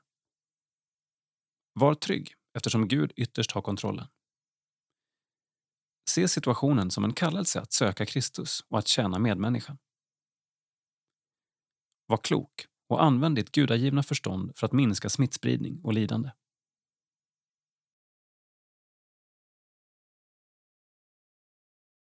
Sida 42. Missionsprofil. Emily Lundahl. Emily Lundahls bok Från forna dagar och flydda år är en av de första berättelserna av hur missionsarbetet i Eritrea började. Text Martin Nilsson. Bild EFS arkiv. Lärarinnan Emily Lundahl föddes på Söder i Stockholm. Fadern var slaktare, men avled när Emily var liten. Modern fick arbeta hårt för att försörja fyra döttrar och en son. För att kunna arbeta fick hon anställa gotländskan Marie som var hemma med barnen. Hösten 1864 började Emily på seminariet och efter tre år fick hon en tjänst som biträdande lärarinna vid en elementarskola för flickor i Norrköping. 1872 blev hon antagen som adjunkt vid folkskolelärarinneseminariet i Stockholm. Efter tre år vid seminariet kom en dag en missionär och bad rektorn att få höra på undervisningen. Rektorn skickade honom till Emelies klass. Jag hade hört talas om honom förut, att han förestod ett barnhem i Massawa, att hans hustru dött och att han kommit hem för att söka sig en hjälp för livet. Då det sedan blev bestämt att jag skulle bli denna hjälp sa rektorn att om han vetat att missionär Lundahl var ute i sådant ärende hade han icke släppt in honom i seminariet. Detta skriver Emily i sin bok Från forna dagar och flydda år. Boken fick jag kännedom om när Ingrid Kågedal arbetade med sin bok om Gustava von Platen som var Bengt Petter Lundahls första hustru. Idag har jag upptäckt att boken, som kom ut när hon var 80 år, har sin grund i de artiklar som hon skrev i fem nummer, 1899 till 1917, av årsskriften Var det ljus? Somliga avsnitt känns direkt igen i boken medan andras innehåll kommer på ett samlat sätt i boken. Emelies bok är en av de första kvinnornas berättelse av hur det började, särskilt i Massawa, Moncullo och Belesa. Hon skriver på ett målande sätt om hur det var. Då regnet kom och öste ner över oss fanns inte något tak i Massawa som stod emot. Det började så småningom att regna inne också och fortsatte därmed en stund sedan det slutat ute, tills hela huset var genomdränkt. Vid ett sådant tillfälle tröstade en av gossarna mig med att Abraham, Isak och Jakob bodde i tält det, men vi hade ett hus vi. Undervisningen gav resultat och snart ville Gallabarnen resa tillbaka med evangeliet som de fått kunskap om. Från Massawa sändes Negusi, Johannes Emanuel och hans nyvigda hustru Elisabet som varit missionär Månssons första lärjunge i flickskolan som de startat. Den 8 november 1877 bröt de upp från Massawa och i januari 1885 anlände brev från dem att de nått fram till Jimma. Bengt Petter Lundahl drabbades 1878 svårt av sjukdom. Vi hade nämligen alla i hemmet blivit förgiftade av getmjölk. Getterna hade ätit giftiga örter och mjölken förorsakade häftiga, våldsamma uppkastningar. Endast min man gick fri, men det la sig istället på levern. Det blev bestämt att han skulle resa hem och jag stanna hos barnen med infödda läraren, Kes Terfo, som medhjälpare. När maken kom tillbaka från Sverige var han frisk och hade med sig Emelies lillasyster, Mimmi, som skulle hjälpa till i gosskolan och hade med sig Emelies lillasyster Mimmi som skulle hjälpa till i gosskolan och Hulda Hellgren i flickskolan. Redan 1875 hade Bengt Petter vid Sverigeresan varit hos arkitekten och kompositören Stenhammar som gjort ritningar för den nya stationen i Monkullo, Imkullo. Han brukade ställa upp sina utkast på pianot och spela för att få idéer. Min man var just uppe hos honom och hörde honom spela över vår ritning och han tänkte, där han satt, att om vårt hus blev så vackert som han spelade, då skulle det bli något underbart. Men först 1877 fick de löfte om tomt och kunde sätta igång. I mars 1879 var huset så färdigt att de kunde flytta in. Emily ger en innehållsrik beskrivning av det nya huset och livet där.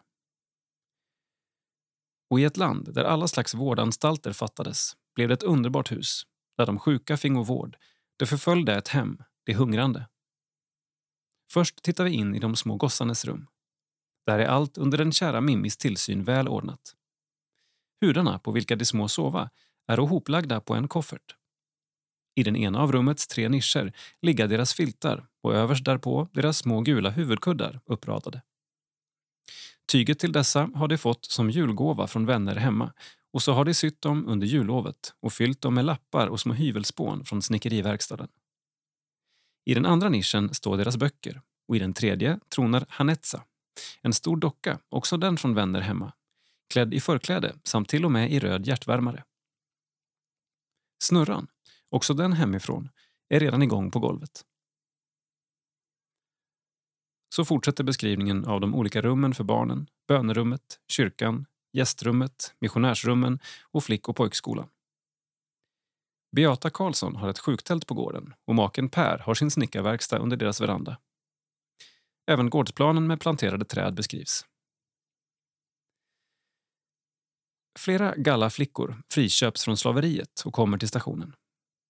Emily skriver Ibland dessa var det en Garnot som i dopet fick namnet Aster och som sedan gick ut som bibelkvinna till Galla tillsammans med Onesimus och hans hustru. Hon verkar där ännu. En jul redan innan hon döptes la Onesimus en hel bibel in i mitt rum med påskrift “Julklapp åt Garno”. Han sa att hon fröjdat honom så många gånger med sina svar. Nu ville han fröjda henne en gång. Hon gick så tyst med sin hemlighet att hon ville inviga sitt liv åt Gud. Men hennes kamrater drog känsel på henne och sa Aster gifter sig aldrig. Det intressanta är att Aster ändå hela livet var med nära Onesimus familj och finns med på flera familjeporträtt. Vid stationen möts både glädje och sorg. 1885 blev ett smärteår. Den 25 april avled lilla Hanna, åtta månader gammal. Inom några veckor avled två av de större gossarna i tyfoidfeber. Gebra Krisus och Gebra Amlak, båda omkring 15 år. Hela sommaren hade Rosa Månsson, som plågades svårt av hettan, varit mycket klen och även hon angreps av den farliga sjukdomen och slutet kom så hastigt att vi inte kunde fatta att hon lämnat oss. Sista morgonen ringde hon som vanligt ut sina flickor. De brukade alltid vara klädda och väntade blott på ringningen för att öppna dörrarna och lika en skock duvor sprida sig var och en till sin morgonsyssla. Följande morgon kom hembudet för henne efter en plågsam natt med svår andnöd. Hur obegripligt det syntes oss att hon skulle sänkas ner i graven med alla sina rika gåvor och sin stora plikttrohet. Mången orkar icke att höra ens om missionen. Hon levde sitt liv för den i ett klimat som dagligen tärde på hennes hälsa och ännu i sina bästa år bäddades hon ner i Afrikas jord på den öde plats där hon gjort vad hon kunde för att Guds kunskap skulle spridas på jorden. I denna farsot insjuknade och min man den 1 december, fyra månader efter Rosas död. Den 11 december blev han fri. Det var klockan sju på aftonen och budskapet att Aboy Lundahl var död spred sig snart och alla som hörde det strömmade till och deltog i sorgesången. Sommaren 1894 måste Emily resa hem efter en svår bröstsjukdom. Våren 1895 fick hon arbete på stiftelsen som sekreterarens biträde. Josef var då 12 år och i 15 år fick hon fortsätta på EFS expedition. Vi ser en bild på en husskiss med texten Missionsstationen i Monkullo. På skissen står det noterat att huset skulle målas ljusgult och ha bruna fönsterbågar och gröna persienner. Trävirket på verandan skulle målas mycket ljusgult. Sedan ser vi en teckning på nio barn uppställda med texten Elever vid Lundahls skola år 1884. Du kan ladda ner en pdf av Emelies bok Från forna dagar och flydda år via efsarkiv.nu. Sök på Emelie Lundahl.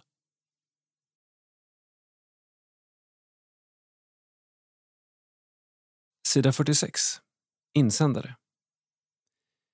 Arbetsmiljön i kyrkan är allt gott. Arbetsmiljöverket har meddelat att myndigheten under 2020 tänker genomföra 450 inspektioner av arbetsmiljön i flera trossamfund. Inspektionerna ska fokusera på rutiner kring organisatorisk och social arbetsmiljö. I första hand det som gäller kränkande särbehandling. Som facklig organisation för anställda inom flera samfund uppskattar Vision Ekumeniska detta beslut. En bra arbetsmiljö för anställda innebär en bra miljö för alla som besöker kyrkorna. De lagar som reglerar arbetsmiljön måste följas även i kyrkorna. Som arbetsgivare kan församlingarna titta längre än till de anställda och vara medvetna om arbetsmiljöns betydelse för alla. På de större arbetsplatserna, kyrkornas kanslier och i större församlingar finns valda skyddsombud. Vid kommande inspektioner har de en nyckelroll i dialogen med AMV. De ska föra fram de anställdas åsikter och erfarenheter och på det sättet bidra aktivt till att förbättra arbetsmiljön. För mindre arbetsplatser med få anställda fungerar förtroendevalda i Vision Ekumeniska som skyddsombud för medlemmarna. Vi har ingen möjlighet att vara närvarande på alla arbetsplatser men står gärna till förfogande med råd och stöd, både i kommande inspektioner och i arbetet för att förbättra arbetsmiljön i församlingarna. Stefan Lindetun, ordförande Vision Ekumeniska. Stefan Nordström, sektion EFS. Johan Wallinder, sektion Pingst, EFK och SAM. Per Götefelt, sektion Ekumeniakyrkan.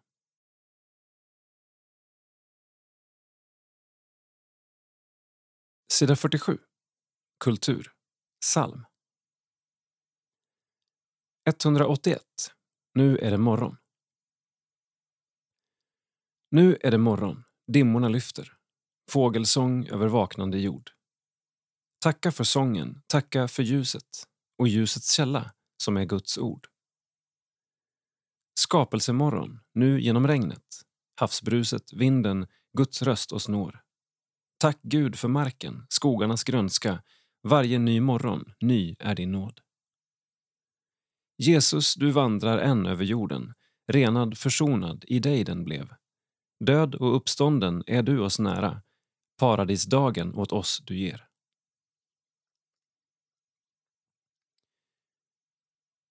År 1972 fick popstjärnan Cat Stevens en stor internationell hit med den vackra Morning has broken.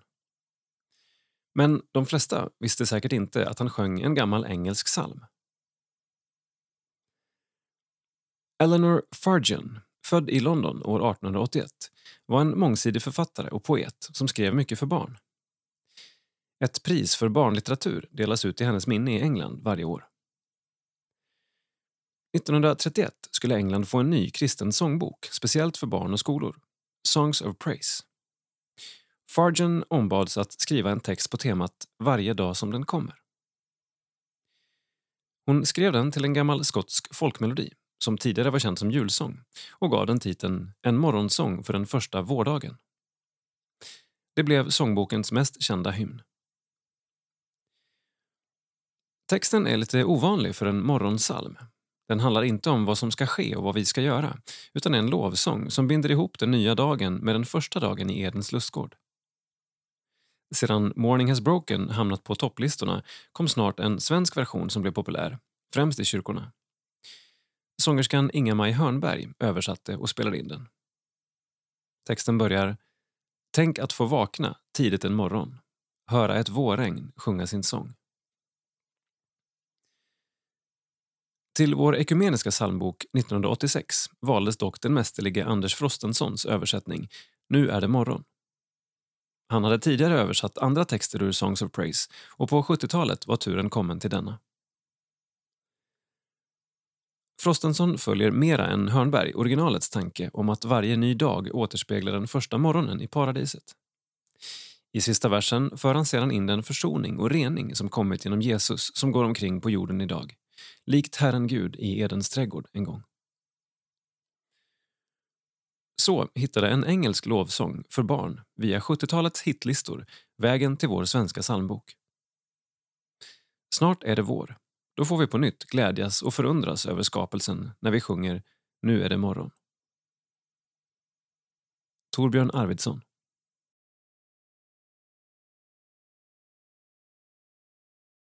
Sida 48. Kultur. Läsning. Den katolska socialläran på svenska. Den har kallats kyrkans bäst bevarade hemlighet nu finns detta omfattande verk för första gången på svenska. Text Torbjörn Aronsson. Bild Mikael Erman. Aletheia. Den katolska socialläran. Dokument 1891 till 2015. Veritas förlag. Recension den katolska socialläran är ett monumentalt verk som bygger på den kristna socialetiska traditionen och aristotelisk filosofi tillämpad och uppdaterad av påvarna i en lång rad texter under de sista 130 åren. Nu finns de översatta i en omfattande volym.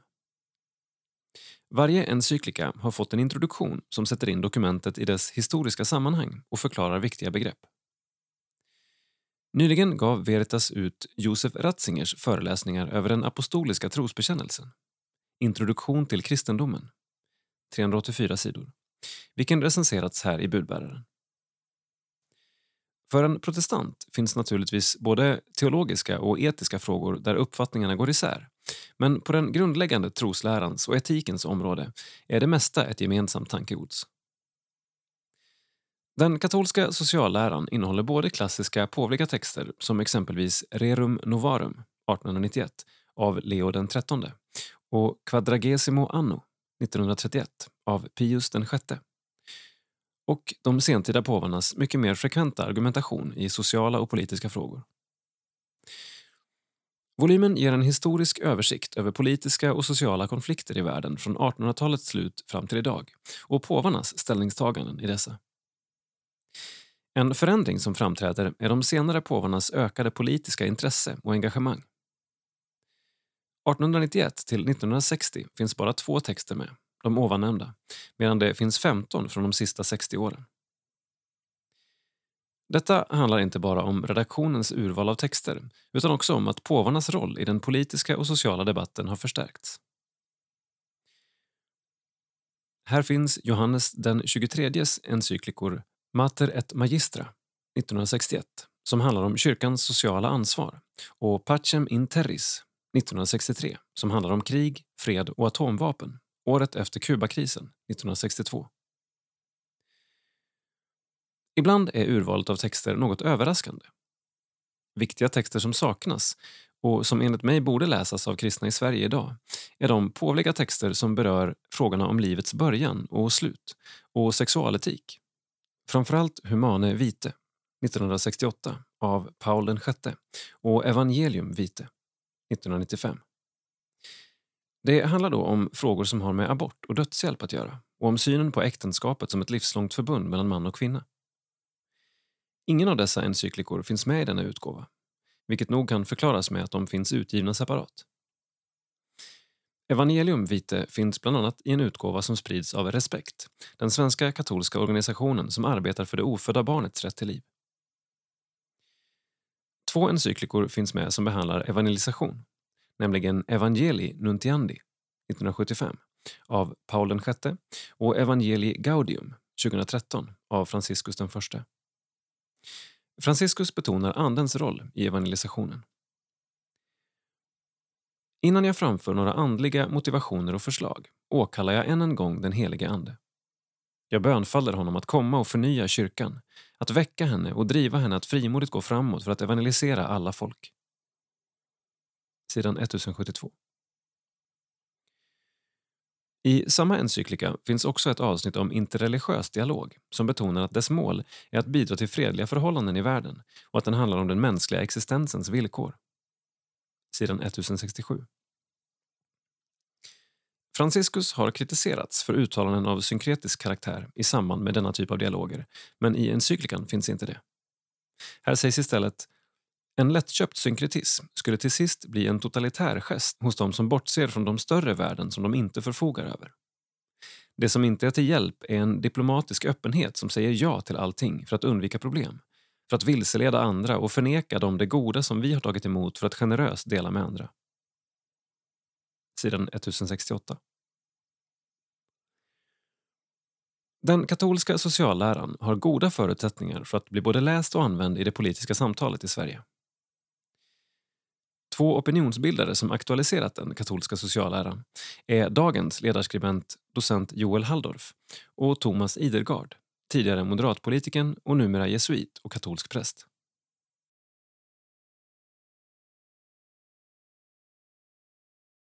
Sida 50. Info. Kalendarium, information, kungörelser, sociala medier och mycket mer som rör EFS och SALT. Har du frågor Kontakta oss på budis efs.nu. E Hallå där, Magnus Lennartsson, präst i EFS Ängelholm. En av kyrkorna som sänt webbgudstjänster på efsplay.nu. Hur har det varit att webbsända gudstjänster? Ytterst sett tror jag kyrkan handlar om reella möten och att få mötas. Men i nuvarande krisläge är det en väldigt god nödlösning. Vi hade redan tekniken på plats, det var egentligen bara att trycka på knappen. Det mesta ställs in nu och det är svårt att planera verksamheten. Hur har ni ställt om? Jag hoppas att vi mitt i krisen kan upptäcka möjligheter som vi inte sett tidigare, inte bara kring gudstjänster. Vi är kyrka varhelst vi befinner oss varje dag och det får vi praktisera på ett tydligare sätt just nu. Ser vi två bilder från Instagramkonton Första bilden på en massa upphackade grönsaker med texten Dagens lunch förbereds. Ärtor, squash, majs, morötter, lök, purjo, paprika, guava, tre olika sorter av pumpa. Det som saknas är kokosmjölken, men den kommer senare.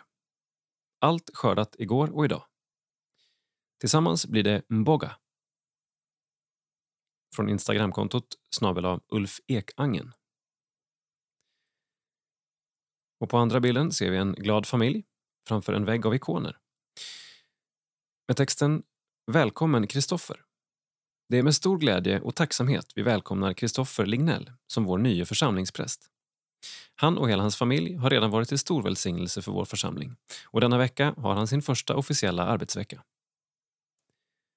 Från Instagramkontot snabela United Malmö.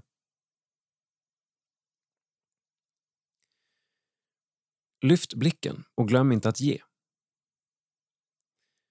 Under mars var givandet till EFS 1,2 miljoner kronor mindre än samma period förra året. När coronapandemin kopplar sitt grepp om hela vår värld är det logiskt att givandet till kyrkor och andra organisationer går ner, åtminstone initialt. Men när vi ser att världen faktiskt inte går under och att många är mycket hårdare drabbade än vi själva så tror jag att det kommer att vända, säger Johan Eriksson, kommunikations och insamlingschef på EFS och fortsätter nu när många av oss får mer pengar över, inte minst på grund av inställda resor och andra nöjen, så tror jag att det är dags att lyfta blicken och tänka på vilken skillnad mitt givande kan göra mitt i krisen. Erik Johansson, internationell missionssekreterare, påminner om att våra åtaganden till samarbetspartners kvarstår. Vi rustar för extra insatser som kan behövas på grund av pandemin och har en pågående dialog med våra systerkyrkor och samarbetspartners. Stöd EFS mission. Swish 900 9903. Bankgiro 900-9903. Gåvoresultat mars. EFS. Insamlat 2 miljoner kronor. Budget 3,8 miljoner kronor. Det preliminära insamlingsresultatet för mars är 2 miljoner kronor, cirka 1,8 miljoner kronor mindre än budgeterat för perioden.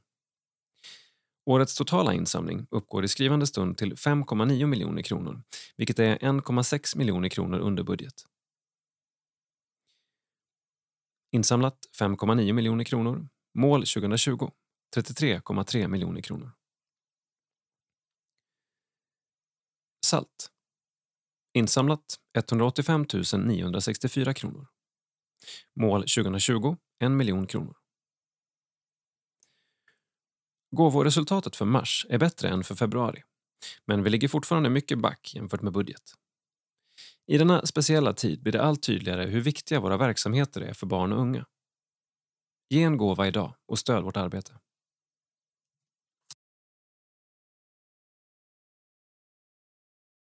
Sida 52. Info. Årsmöte.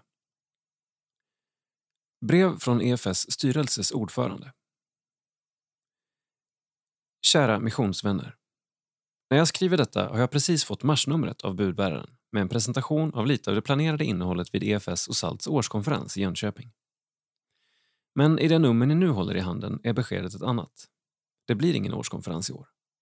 Och orsaken är naturligtvis coronaviruset, covid-19. Efter Folkhälsomyndighetens och regeringens besked är det inte möjligt att ordna större samlingar av människor och rådet är dessutom att inte resa, inte ens inom landet. Därför har EFS ledning beslutat att ställa in årets konferens.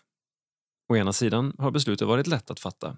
Det vore oansvarigt att i rådande läge trotsa råd och anvisningar från våra myndigheter. Å andra sidan har det varit smärtsamt. Årskonferensen tillhör för många av oss inom EFS en av årets höjdpunkter. Till saken hör också att det har varit viktigt att snabbt komma fram till ett beslut om att avlysa konferensen för att kunna stoppa bokningar och annat innan planeringen hunnit allt för långt. En sak har i sammanhanget vållat särskilt bekymmer. Det gäller årsmötet.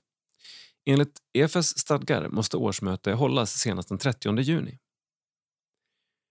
Dessutom finns andra juridiska och ekonomiska aspekter som är viktiga. Till exempel krävs att styrelsen beviljas ansvarsfrihet före halvårsskiftet för att statliga bidrag på ett antal miljoner kronor ska betalas ut. Det betyder att det inte är möjligt att skjuta upp årsmötet till efter sommaren eller hoppa över det till ett annat år. Därför har vi inom EFS ledning undersökt olika möjligheter att genomföra ett årsmöte på ett annat sätt än det vanliga, men utan att tumma på de demokratiska principer som är grundläggande för inflytandet inom EFS.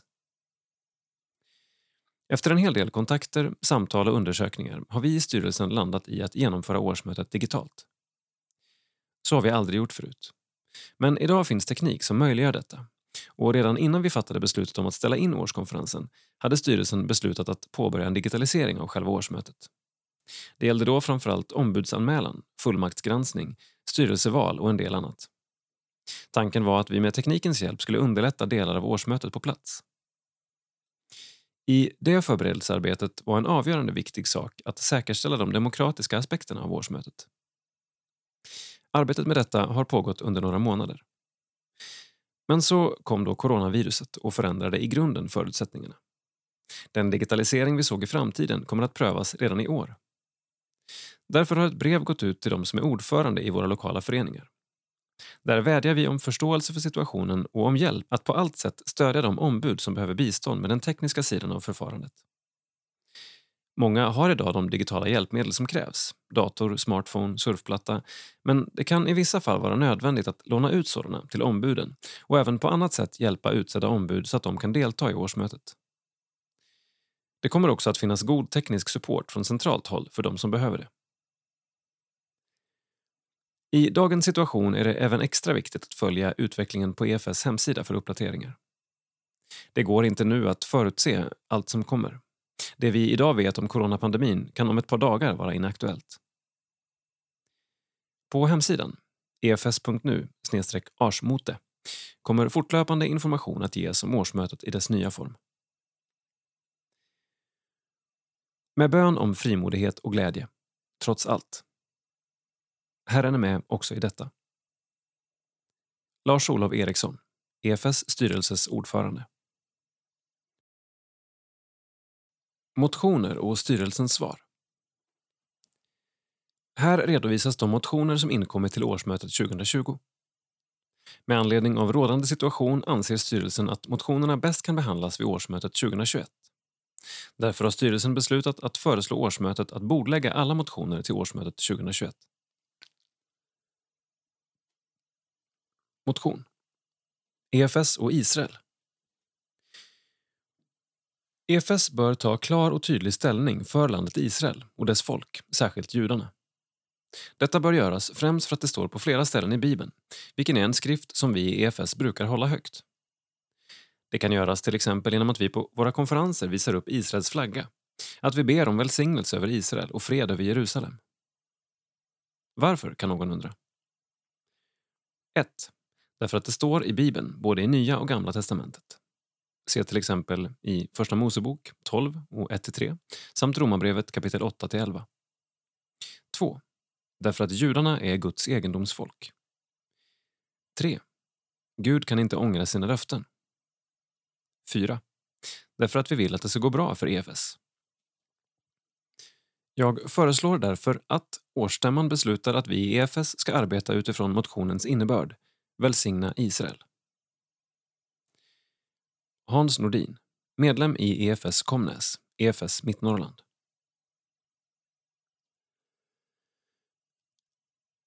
Styrelsens svar. Yrkandet i Hans Nordins motion till EFS årsmöte är kort och koncist.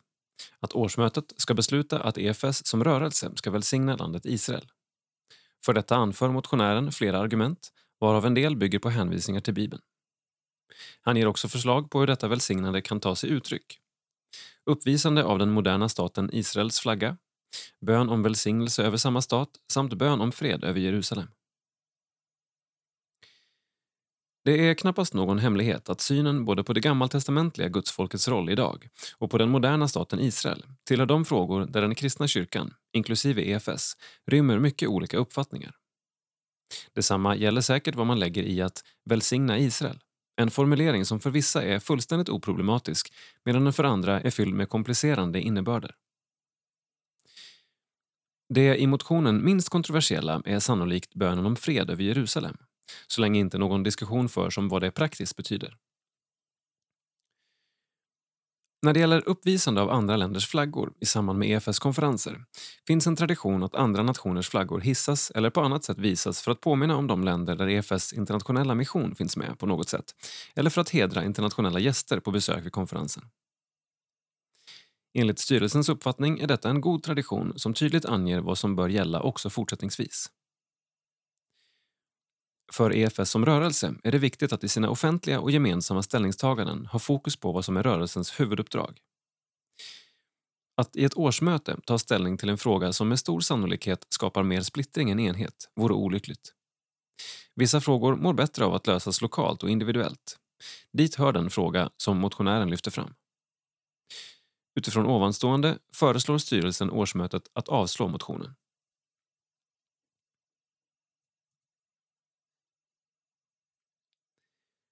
Motion. EFS bör bejaka och möjliggöra barnvälsignelse i gudstjänst. Jag hänvisar i stort sett helt och hållet till min egen motion i frågan förra året. Detta borde jag enligt all vett och kutym inte göra.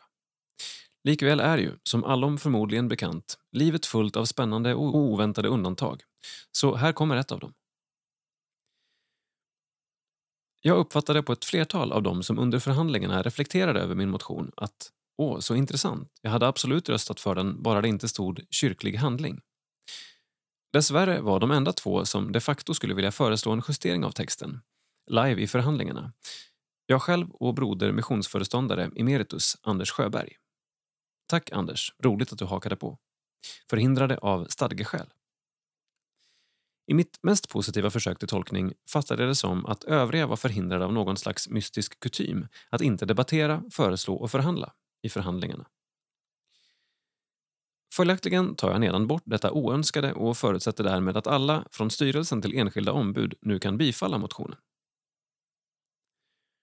För en viss upprepning även av spörsmål och grund för åberopande. Jag har under åren erfarit flera exempel på människor i församlingar och gemenskaper med barndop som frågat efter barnvälsignelse men som nekats detta och antingen tvingats gå mot sin övertygelse eller till och med, i parallella fall, byta församling, samfund och därmed sin församlingsgemenskap. Jag är övertygad att om man anpassar sig, NB enligt mitt förmenande helt utan att behöva göra avkall på den så kallade barndopsteologin, ser bland annat tyska lutherska kyrkan, Genom att arbeta för möjlighet till barnvälsignelse skulle man bejaka dels det aktuella ekumeniska läge som råder, dels som människor i allmänhet tänker och resonerar i dagens tid. Att motsätta sig skulle jag bedöma såsom tvärtom, kristet och andligt kontraproduktivt. Med bakgrund av detta alltså en något okonventionell upprepning. Jag föreslår att EFS bejakar och aktivt arbetar för möjligheten till barnvälsignelse att Missionsstyrelsen får det övergripande ansvaret att driva frågan genom förtroendevalda, personal och medlemmar. Åke Näslund, medlem i EFS-gruppen Idre Särna. Styrelsens svar. Precis som motionären väljer också styrelsen att hänvisa till det som förmedlades förra året kring motionen rörande barnvälsignelse. Två saker bör ändå förtydligas. För det första skulle ett uteslutande av ordet kyrklig handling i praktiken inte förändra något. Ett sådant drivande av frågan som motionären föreslår skulle, som styrelsen ser det, enbart kunna uppfattas som en av EFS förändrad dopsyn. För det andra skulle ett bejakande av motionen få stora konsekvenser för EFS relation till Svenska kyrkan.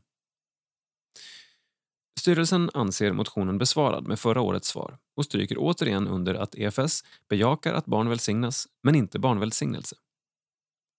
Styrelsen föreslår därför årsmötet att avslå motionen. Motion. Byte av bank. Även detta är en otillständig upprepning av motion. Dock även här med en justering av påtalat formellt syftningsfel. Att inte styra med förslag på specifikt företag eller dylikt. Högst förståeligt. Jag tackar för påpekandet. Det blir ogörligt, bland annat angående huruvida alla känner sig insatta i detalj. Därav en betydligt vidare och öppnare uppmaning enligt nedan. Ledsamt, alternativt glädjande nog, har året inneburit ytterligare vatten på min kvarn. Tesen om världens skumraskaffärer har inte saknat tillskott bland händelser och nyheter år 2019. Ytterligare bakgrund till mitt okonventionella upprepande. Jag hörde i konferensens debriefing-mingelsålet, eftersnacket, någon, jag tror i styrelsen, som sa detta är ju egentligen ingen årsmötesfråga utan en sak för styrelsen. Tack för den. Det är bara det att jag tillskrev styrelsen för flera år sedan med just denna förmodan. Men då hänvisade man mig minsann till just motion i årsmötet och att jag då var för sent ute. Jag föreslår härmed att EFS byter bank. I tider sedan länge av Nobelpris för mikrolån, Fairtrade-märkning av kyrkkaffe, ungdoms och klimatgeneral Greta med mycket mera, är det hög tid att sträva vidare i det goda arbetet att bättre än hittills förvalta Herrens skapelse. Vi troende måste nu genom våra kyrkor och samfund ta dessa viktiga steg även vad gäller finansmarknaden. Vi ska leva i världen, inte av den. Enligt mitt förmenande är detta inte förenligt med att fortsätta sitta i knät på MMMN i finansiellt hänseende företrädesvis förkroppsligade av storbankerna som bara tänker på ständig tillväxt. NB från redan idag 3,8 eller 4,3 eller vad det nu är för siffra överförbrukade jordklot per år. Kvartalsrapporter, fördolda pyramidspel, korruption, nollskatteplanering, utflyttning till så lågavlönade länder som möjligt med mycket mera. För att inte sammanfatta i detta ständiga fifflande. Vi måste välja en bank som i möjligaste mån jobbar inte mot utan för de små, de enskilda, de medellösa, våra medskapade och högst oskyldiga vänner i djuren, planeten Tellus och därmed återigen hela skapelsen. Det finns ett ganska stort antal alternativa aktörer att undersöka och välja bland som trots en komplicerad tillvaro åtminstone märkbart mer än de stora försöker leva upp till önskade kriterier. Det är viktigt och brådskande att vi utmanar oss själva att ta ställning för att provtänka. Se Bertil Johansson, tidigare distriktsföreståndare med EFS kring alternativa ekonomiska tankar angående konsumtion och globala resurser och att möjliggöra, understödja ett praktiskt bankalternativ för små, mindre omständigheter. Jag föreslår att EFS byter till en så etisk bank som möjligt. Att styrelsen får i uppdrag att undersöka bästa möjliga alternativ och genomföra bytet. Att Styrelsen därefter ombesörjer att alla nivåer inom EFS, ungdomsförbund, distrikt, föreningar med mera uppmuntras till liknande beslut och åtgärd. GMY och oss alla i arbetet för riket med stort H. Vänligen Åke Näslund, medlem i EFS-gruppen Idre-Särna.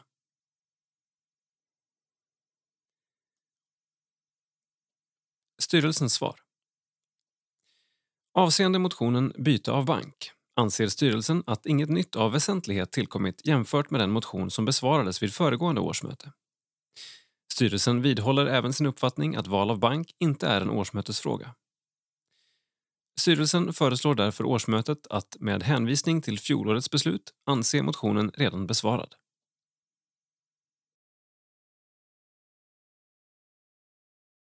Sida 58. Bial. Guds löften. Var inte rädd, du lilla jord.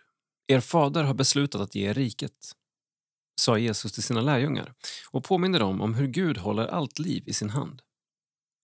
Ett bra sätt för att leva i påminnelsen om Guds löften är att kunna bibelverser, sånger och böner utan till. Gud, som alla barn har kär, tänk på den som liten är. Dina barn i alla länder vilar tryggt i dina händer. Du som alla språk förstår, tack att du är Fader vår. Av Kikki Lönnebo. Sofia Svensson, inspiratör för Bial och EFS internationella mission. Kyrkan stärker de ungas röst i Malawi.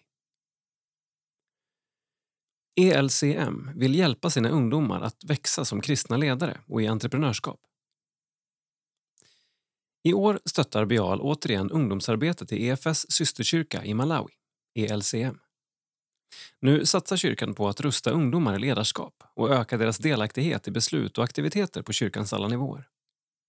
ELCMs medlemmar består till stor del av barn och ungdomar och det är nödvändigt att ungdomar får spela en viktig roll i kyrkans ledarskap. Målet är att ungdomarna i programmet ska växa som kristna ledare och i entreprenörskap.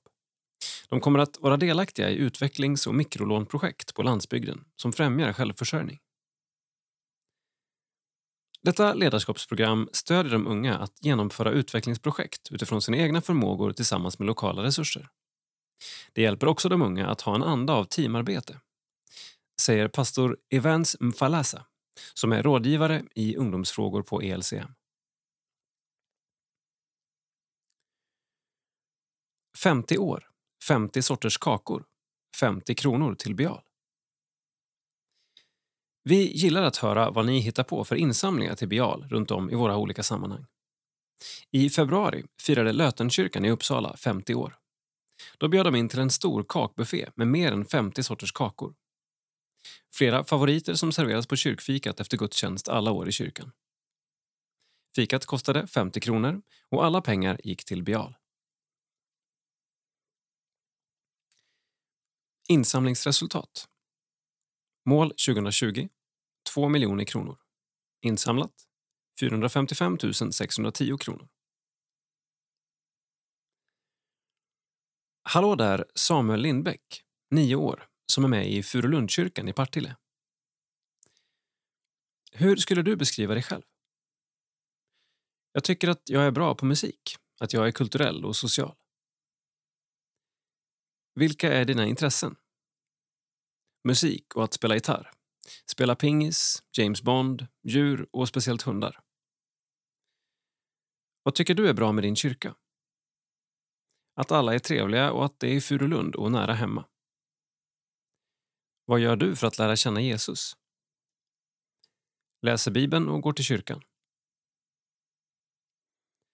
Finns det någon berättelse i Bibeln du tycker särskilt om? När jag var liten så gillade jag den där med Daniel och lejongropen. Och så gillar jag psalm 23. Gud är den gode herden.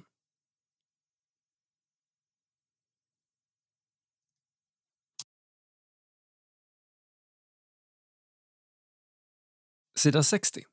Region Mittnorrland. Finns det EFS-are i den underjordiska kyrkan i Iran? Farouk berättar med inlevelse hur han i slutet av förra året kom till EFS bönhus i Sollefteå och mötte trossyskon. Text och bild Åsa Backlund. På måndagskvällens bön och bibelsamtal hos EFS Sollefteå kände Farouk direkt igen sig. Det här är precis som i den underjordiska kyrkan i Iran. Inte visste jag att vi var EFS-are i Iran, utbrast han. Farouk flydde en omöjlig situation när Säkerhetspolisen var ute efter honom. Deltagarna i bönegruppen, som samlades i hemlighet, hade försvunnit en och en under oklara omständigheter. Nu var det kanske hans tur. När vi återsett dem har det varit på deras egna begravningar, berättar Farouk. Farouk var tidigare muslim, men blev frälst i sitt hemland. Han blev genast en evangelist och förälskade sig framförallt i Johannes evangeliet. Han skrev ut det i stora volymer och lämnade dem på alla platser han kom åt. Han arbetade på bibliotek, där han stack in dem i böckerna. Han lämnade dem i taxibilar och på platser han besökte. När Säkerhetspolisen sökte igenom hans hem fann de 500 kopior som de beslagtog. Farouk och hans fru höll låg profil i början för att inte väcka uppmärksamhet från regimen. Men när hans dotter kom hem från skolan och frågade varför de inte bad fem gånger om dagen var de tvungna att förklara för henne. En händelse på hennes skola hade misshagat läraren som började förstå att familjen inte var rättrogna. Dottern hade klappat en hund som tagit sig in på skolområdet. Läraren hade uppmanat flickan att gå hem och tvätta sig och byta kläder eftersom beröringen med hundar är en synd. Flickan svarade Vi är kristna, vi har inget problem med det. Efter den händelsen eskalerade problemen för familjen. EFS i Sollefteå har i många år haft bibelsamtal på måndagar. Deltagarna har varit få, ibland endast två, tre stycken. De har, som Bibeln beskriver, hållit ut i bön. Guds ord har haft en central plats i våra gudstjänster och allt som sker i vår kyrka, säger Tord Karlsson, en av medlemmarna, och fortsätter. Det är Guds ord och inte vi och våra ord som kan förvandla människor. I bibelsamtalet får människor spegla sig i ordet och i andra människors erfarenheter av Gud. Fram till för något år sedan var den lilla aktiva gruppen i kyrkan ungefär sju personer. Sedan hände något som på kort tid fördubblade den skalan. En efter en har kommit till. Någon tidigare medlem som lämnat har kommit tillbaka. Den har då i sin tur tagit med en vän som tagit med en dotter. Så har några nysvenskar kommit till, ibland dem Farouk. Föreningen har sista året fått tio nya medlemmar. Det är så roligt i kyrkan idag, säger Tord, Britt-Marie Nilsson och Jan-Åke Nordin. Alla tre medlemmar sedan många år. Ja, det är väldigt roligt. Gud har hört våra böner och sett vår uthållighet. Föreningen har ett nära samarbete med Missionsförsamlingen och Pingsförsamlingen. Man har också gatuevangelisation där ung och gammal deltar. En dag i veckan sätter man ut en skylt utanför den centralt belägna Missionskyrkan och bjuder in till förbön. Kommer det några dit? frågar den klentrogna intervjuaren. Ja, det gör det. Ibland är det någon som berättar att de gick förbi skylten flera gånger innan de till slut vågade komma in. Slutligen hälsar Farouk. Gud välsigne alla svenskar som gav mig skydd.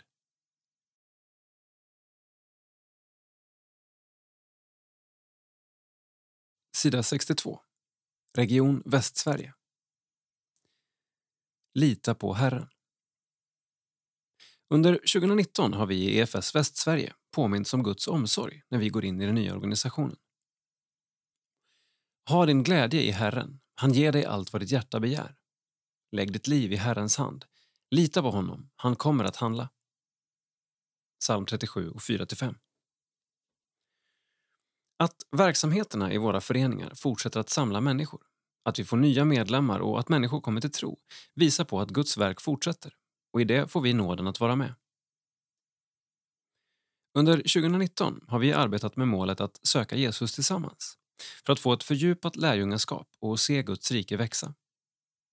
Nära 2019, vår årsmötesdag, gav ett fint avstamp in i det nya. Ett av alla exempel på hur EFS Västsverige får lärjungar som djupnar i sin tro är ungdomarna i Sandvikengårdens kommunitet.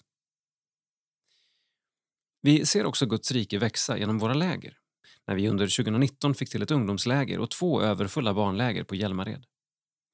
Vi har tre stora konfirmandläger och vi ser hur det rör sig ute i föreningarna med exempelvis många ungdomar i Borås och en ny förening i Buråskyrkan, Göteborg. Vi befinner oss i en spännande tid där vi försöker bygga på nätverket i regionen och där vi blir fler medlemmar. I allt detta bär vi med oss den hälsning Gud ger oss genom sitt ord. Lägg ditt liv i Herrens hand. Lita på honom. Han kommer att handla. Mikael Landgren, Elin Wikström och Sebastian Holmgren. Delar tron på Jesus på Luta Side, Borås. Visst är det något speciellt med fredagar. Fredagar innebär för de flesta av oss slutet på en ibland lång och tuff arbets eller skolvecka och starten av några dagars välförtjänt vila. Precis där händer det ytterligare någonting som gör fredagarna så speciella. I alla fall för de som tar sig till Luta Side, som är en ungdomsgrupp i EFS i Borås. En kväll brukar innehålla någon skojig aktivitet, till exempel Melodifestivalen, filmkväll och bilkurragömma. Vi har också gott fika, där man har tid att sitta ner och umgås, slappna av och prata om veckan. Även det viktigaste av allt, att få dela och utveckla sin tro på Gud, för sig själv och med andra. Tron på Jesus är grunden till allt vi gör, i aktiviteterna, vid fikaborden och under andakterna. Det är samma tro som driver det ideella ledarteamet, i väntan på en ny ungdomsledare, att varje vecka se till så att ungdomarna som kommer ska få en så bra kväll som möjligt. En ungdom från Luta Side säger Det har varit viktigt för mig att dela tron med andra i min ålder då jag i andra sammanhang, exempelvis skolan, ibland känt mig ensam. Det har också varit något kul att se fram emot för att jag har haft så roligt där och träffat massor med nya fantastiska vänner. Edvin Dahlberg Välkomna! Göran Olofsson, aktuell som ny präst i Borås EFS Luta. Ålder 64 år. Kommer från Född i Zimbabwe, men senast från arbete och boende på Å stiftsgård. Bästa med det nya jobbet? Att få träffa många härliga och engagerade människor som söker Guds vilja med Luta Borås. Sjunga eller lyssna? Sjunga. Braskamin eller strand? Det beror på årstid. En regnig dag i mars, som idag, blir det braskamin. Stan eller landet? Brämhult, lika med både och. Thomas der Nederlanden. Aktuell som ny gårdsföreståndare på Sandvikengården. Ålder 42 år. Kommer från Östersund. Bästa med nya jobbet? Att det är så mångsidigt. Sjunga eller lyssna? Sjunga. Braskamin eller strand? Braskamin. Stan eller landet? Landet. Stan när jag var yngre. Sida 64. Info. Nytt i livet. Avlidna. Vår älskade Lennart Johansson, född 15 november 1951, har hastigt lämnat oss i stor sorg och saknad. Umeå 5 mars 2020. Louise. Marta och Per-Erik. Nore. Miriam och Roland. Daniel. Övrig släkt och familjer. Livet skiftar fort, kvävs av dödens hot. Herren skingrar rädslan. Kornets hopp är stort. Våga vänta tryggt. Snart har dagen grytt. Våren visar vägen. Gud gör allting nytt. Ur psalm 205 i Svenska psalmboken. Begravningen har ägt rum. Tänk gärna på EFS mission, bankgiro 900-9903. Till minne. Ragnar Karlsson. Fabrikören, entreprenören, sångaren och predikanten Ragnar Karlsson har gått hem till Gud. Därmed har en engagerad och brinnande evangelist i vårt land lämnat oss. Ragnar Karlsson är uppvuxen på gården Läckersbo i Gusum i södra Östergötland. Han kom till personlig tro på Kristus i unga år och kom att verka som EFS-predikant med venia att också predika i Svenska kyrkans gudstjänster. Till yrket var han bonde på sin hemgård och en dag i arbetet på gården kom hans högra hand i en hackmaskin varvid alla fingrarna utom tummen kapades av. Vid denna tragik tyckte sig Ragnar höra ett tilltal. Att Gud skulle ge honom nya händer, men på ett annat sätt och i en annan uppgift. Så blev det också. Från grunden började Ragnar med hjälp av hustru Gunilla och barnen att bygga upp ett företag, RK Teknik, som med tiden kom att utvecklas starkt och nu har stora lokaler i samhället Gusum och många anställda. Av Valdemarsviks kommun fick han för några år sedan en uppskattande utmärkelse. Om man inte tänker på Ragnar Karlsson som en mycket driftig företagare så minns man honom som en brinnande andefylld kristen. Som sådan var han drivande i EFS-föreningarna i Gusum och i Söderköping. Han tog också från mitten av 1990-talet initiativ till en årlig gospelbibelcamping. Tältmöten med ett flertal olika talare, bland vilka vi fick vara några. Vi kommer att minnas Ragnar som den varma trosmänniskan med blicken mot himlen, fötterna på jorden i ständigt nya initiativ och med sex fingrar, som med sin gitarr och sin klara sångröst ledde oss i lovsång. Nu är han på en plats där han fått tio fingrar och han är med i den stora skaran som lovsjunger den Herre som han under ett drygt 70-årigt liv tjänade här på jorden. Karl-Erik Salberg och Hans Lundahl.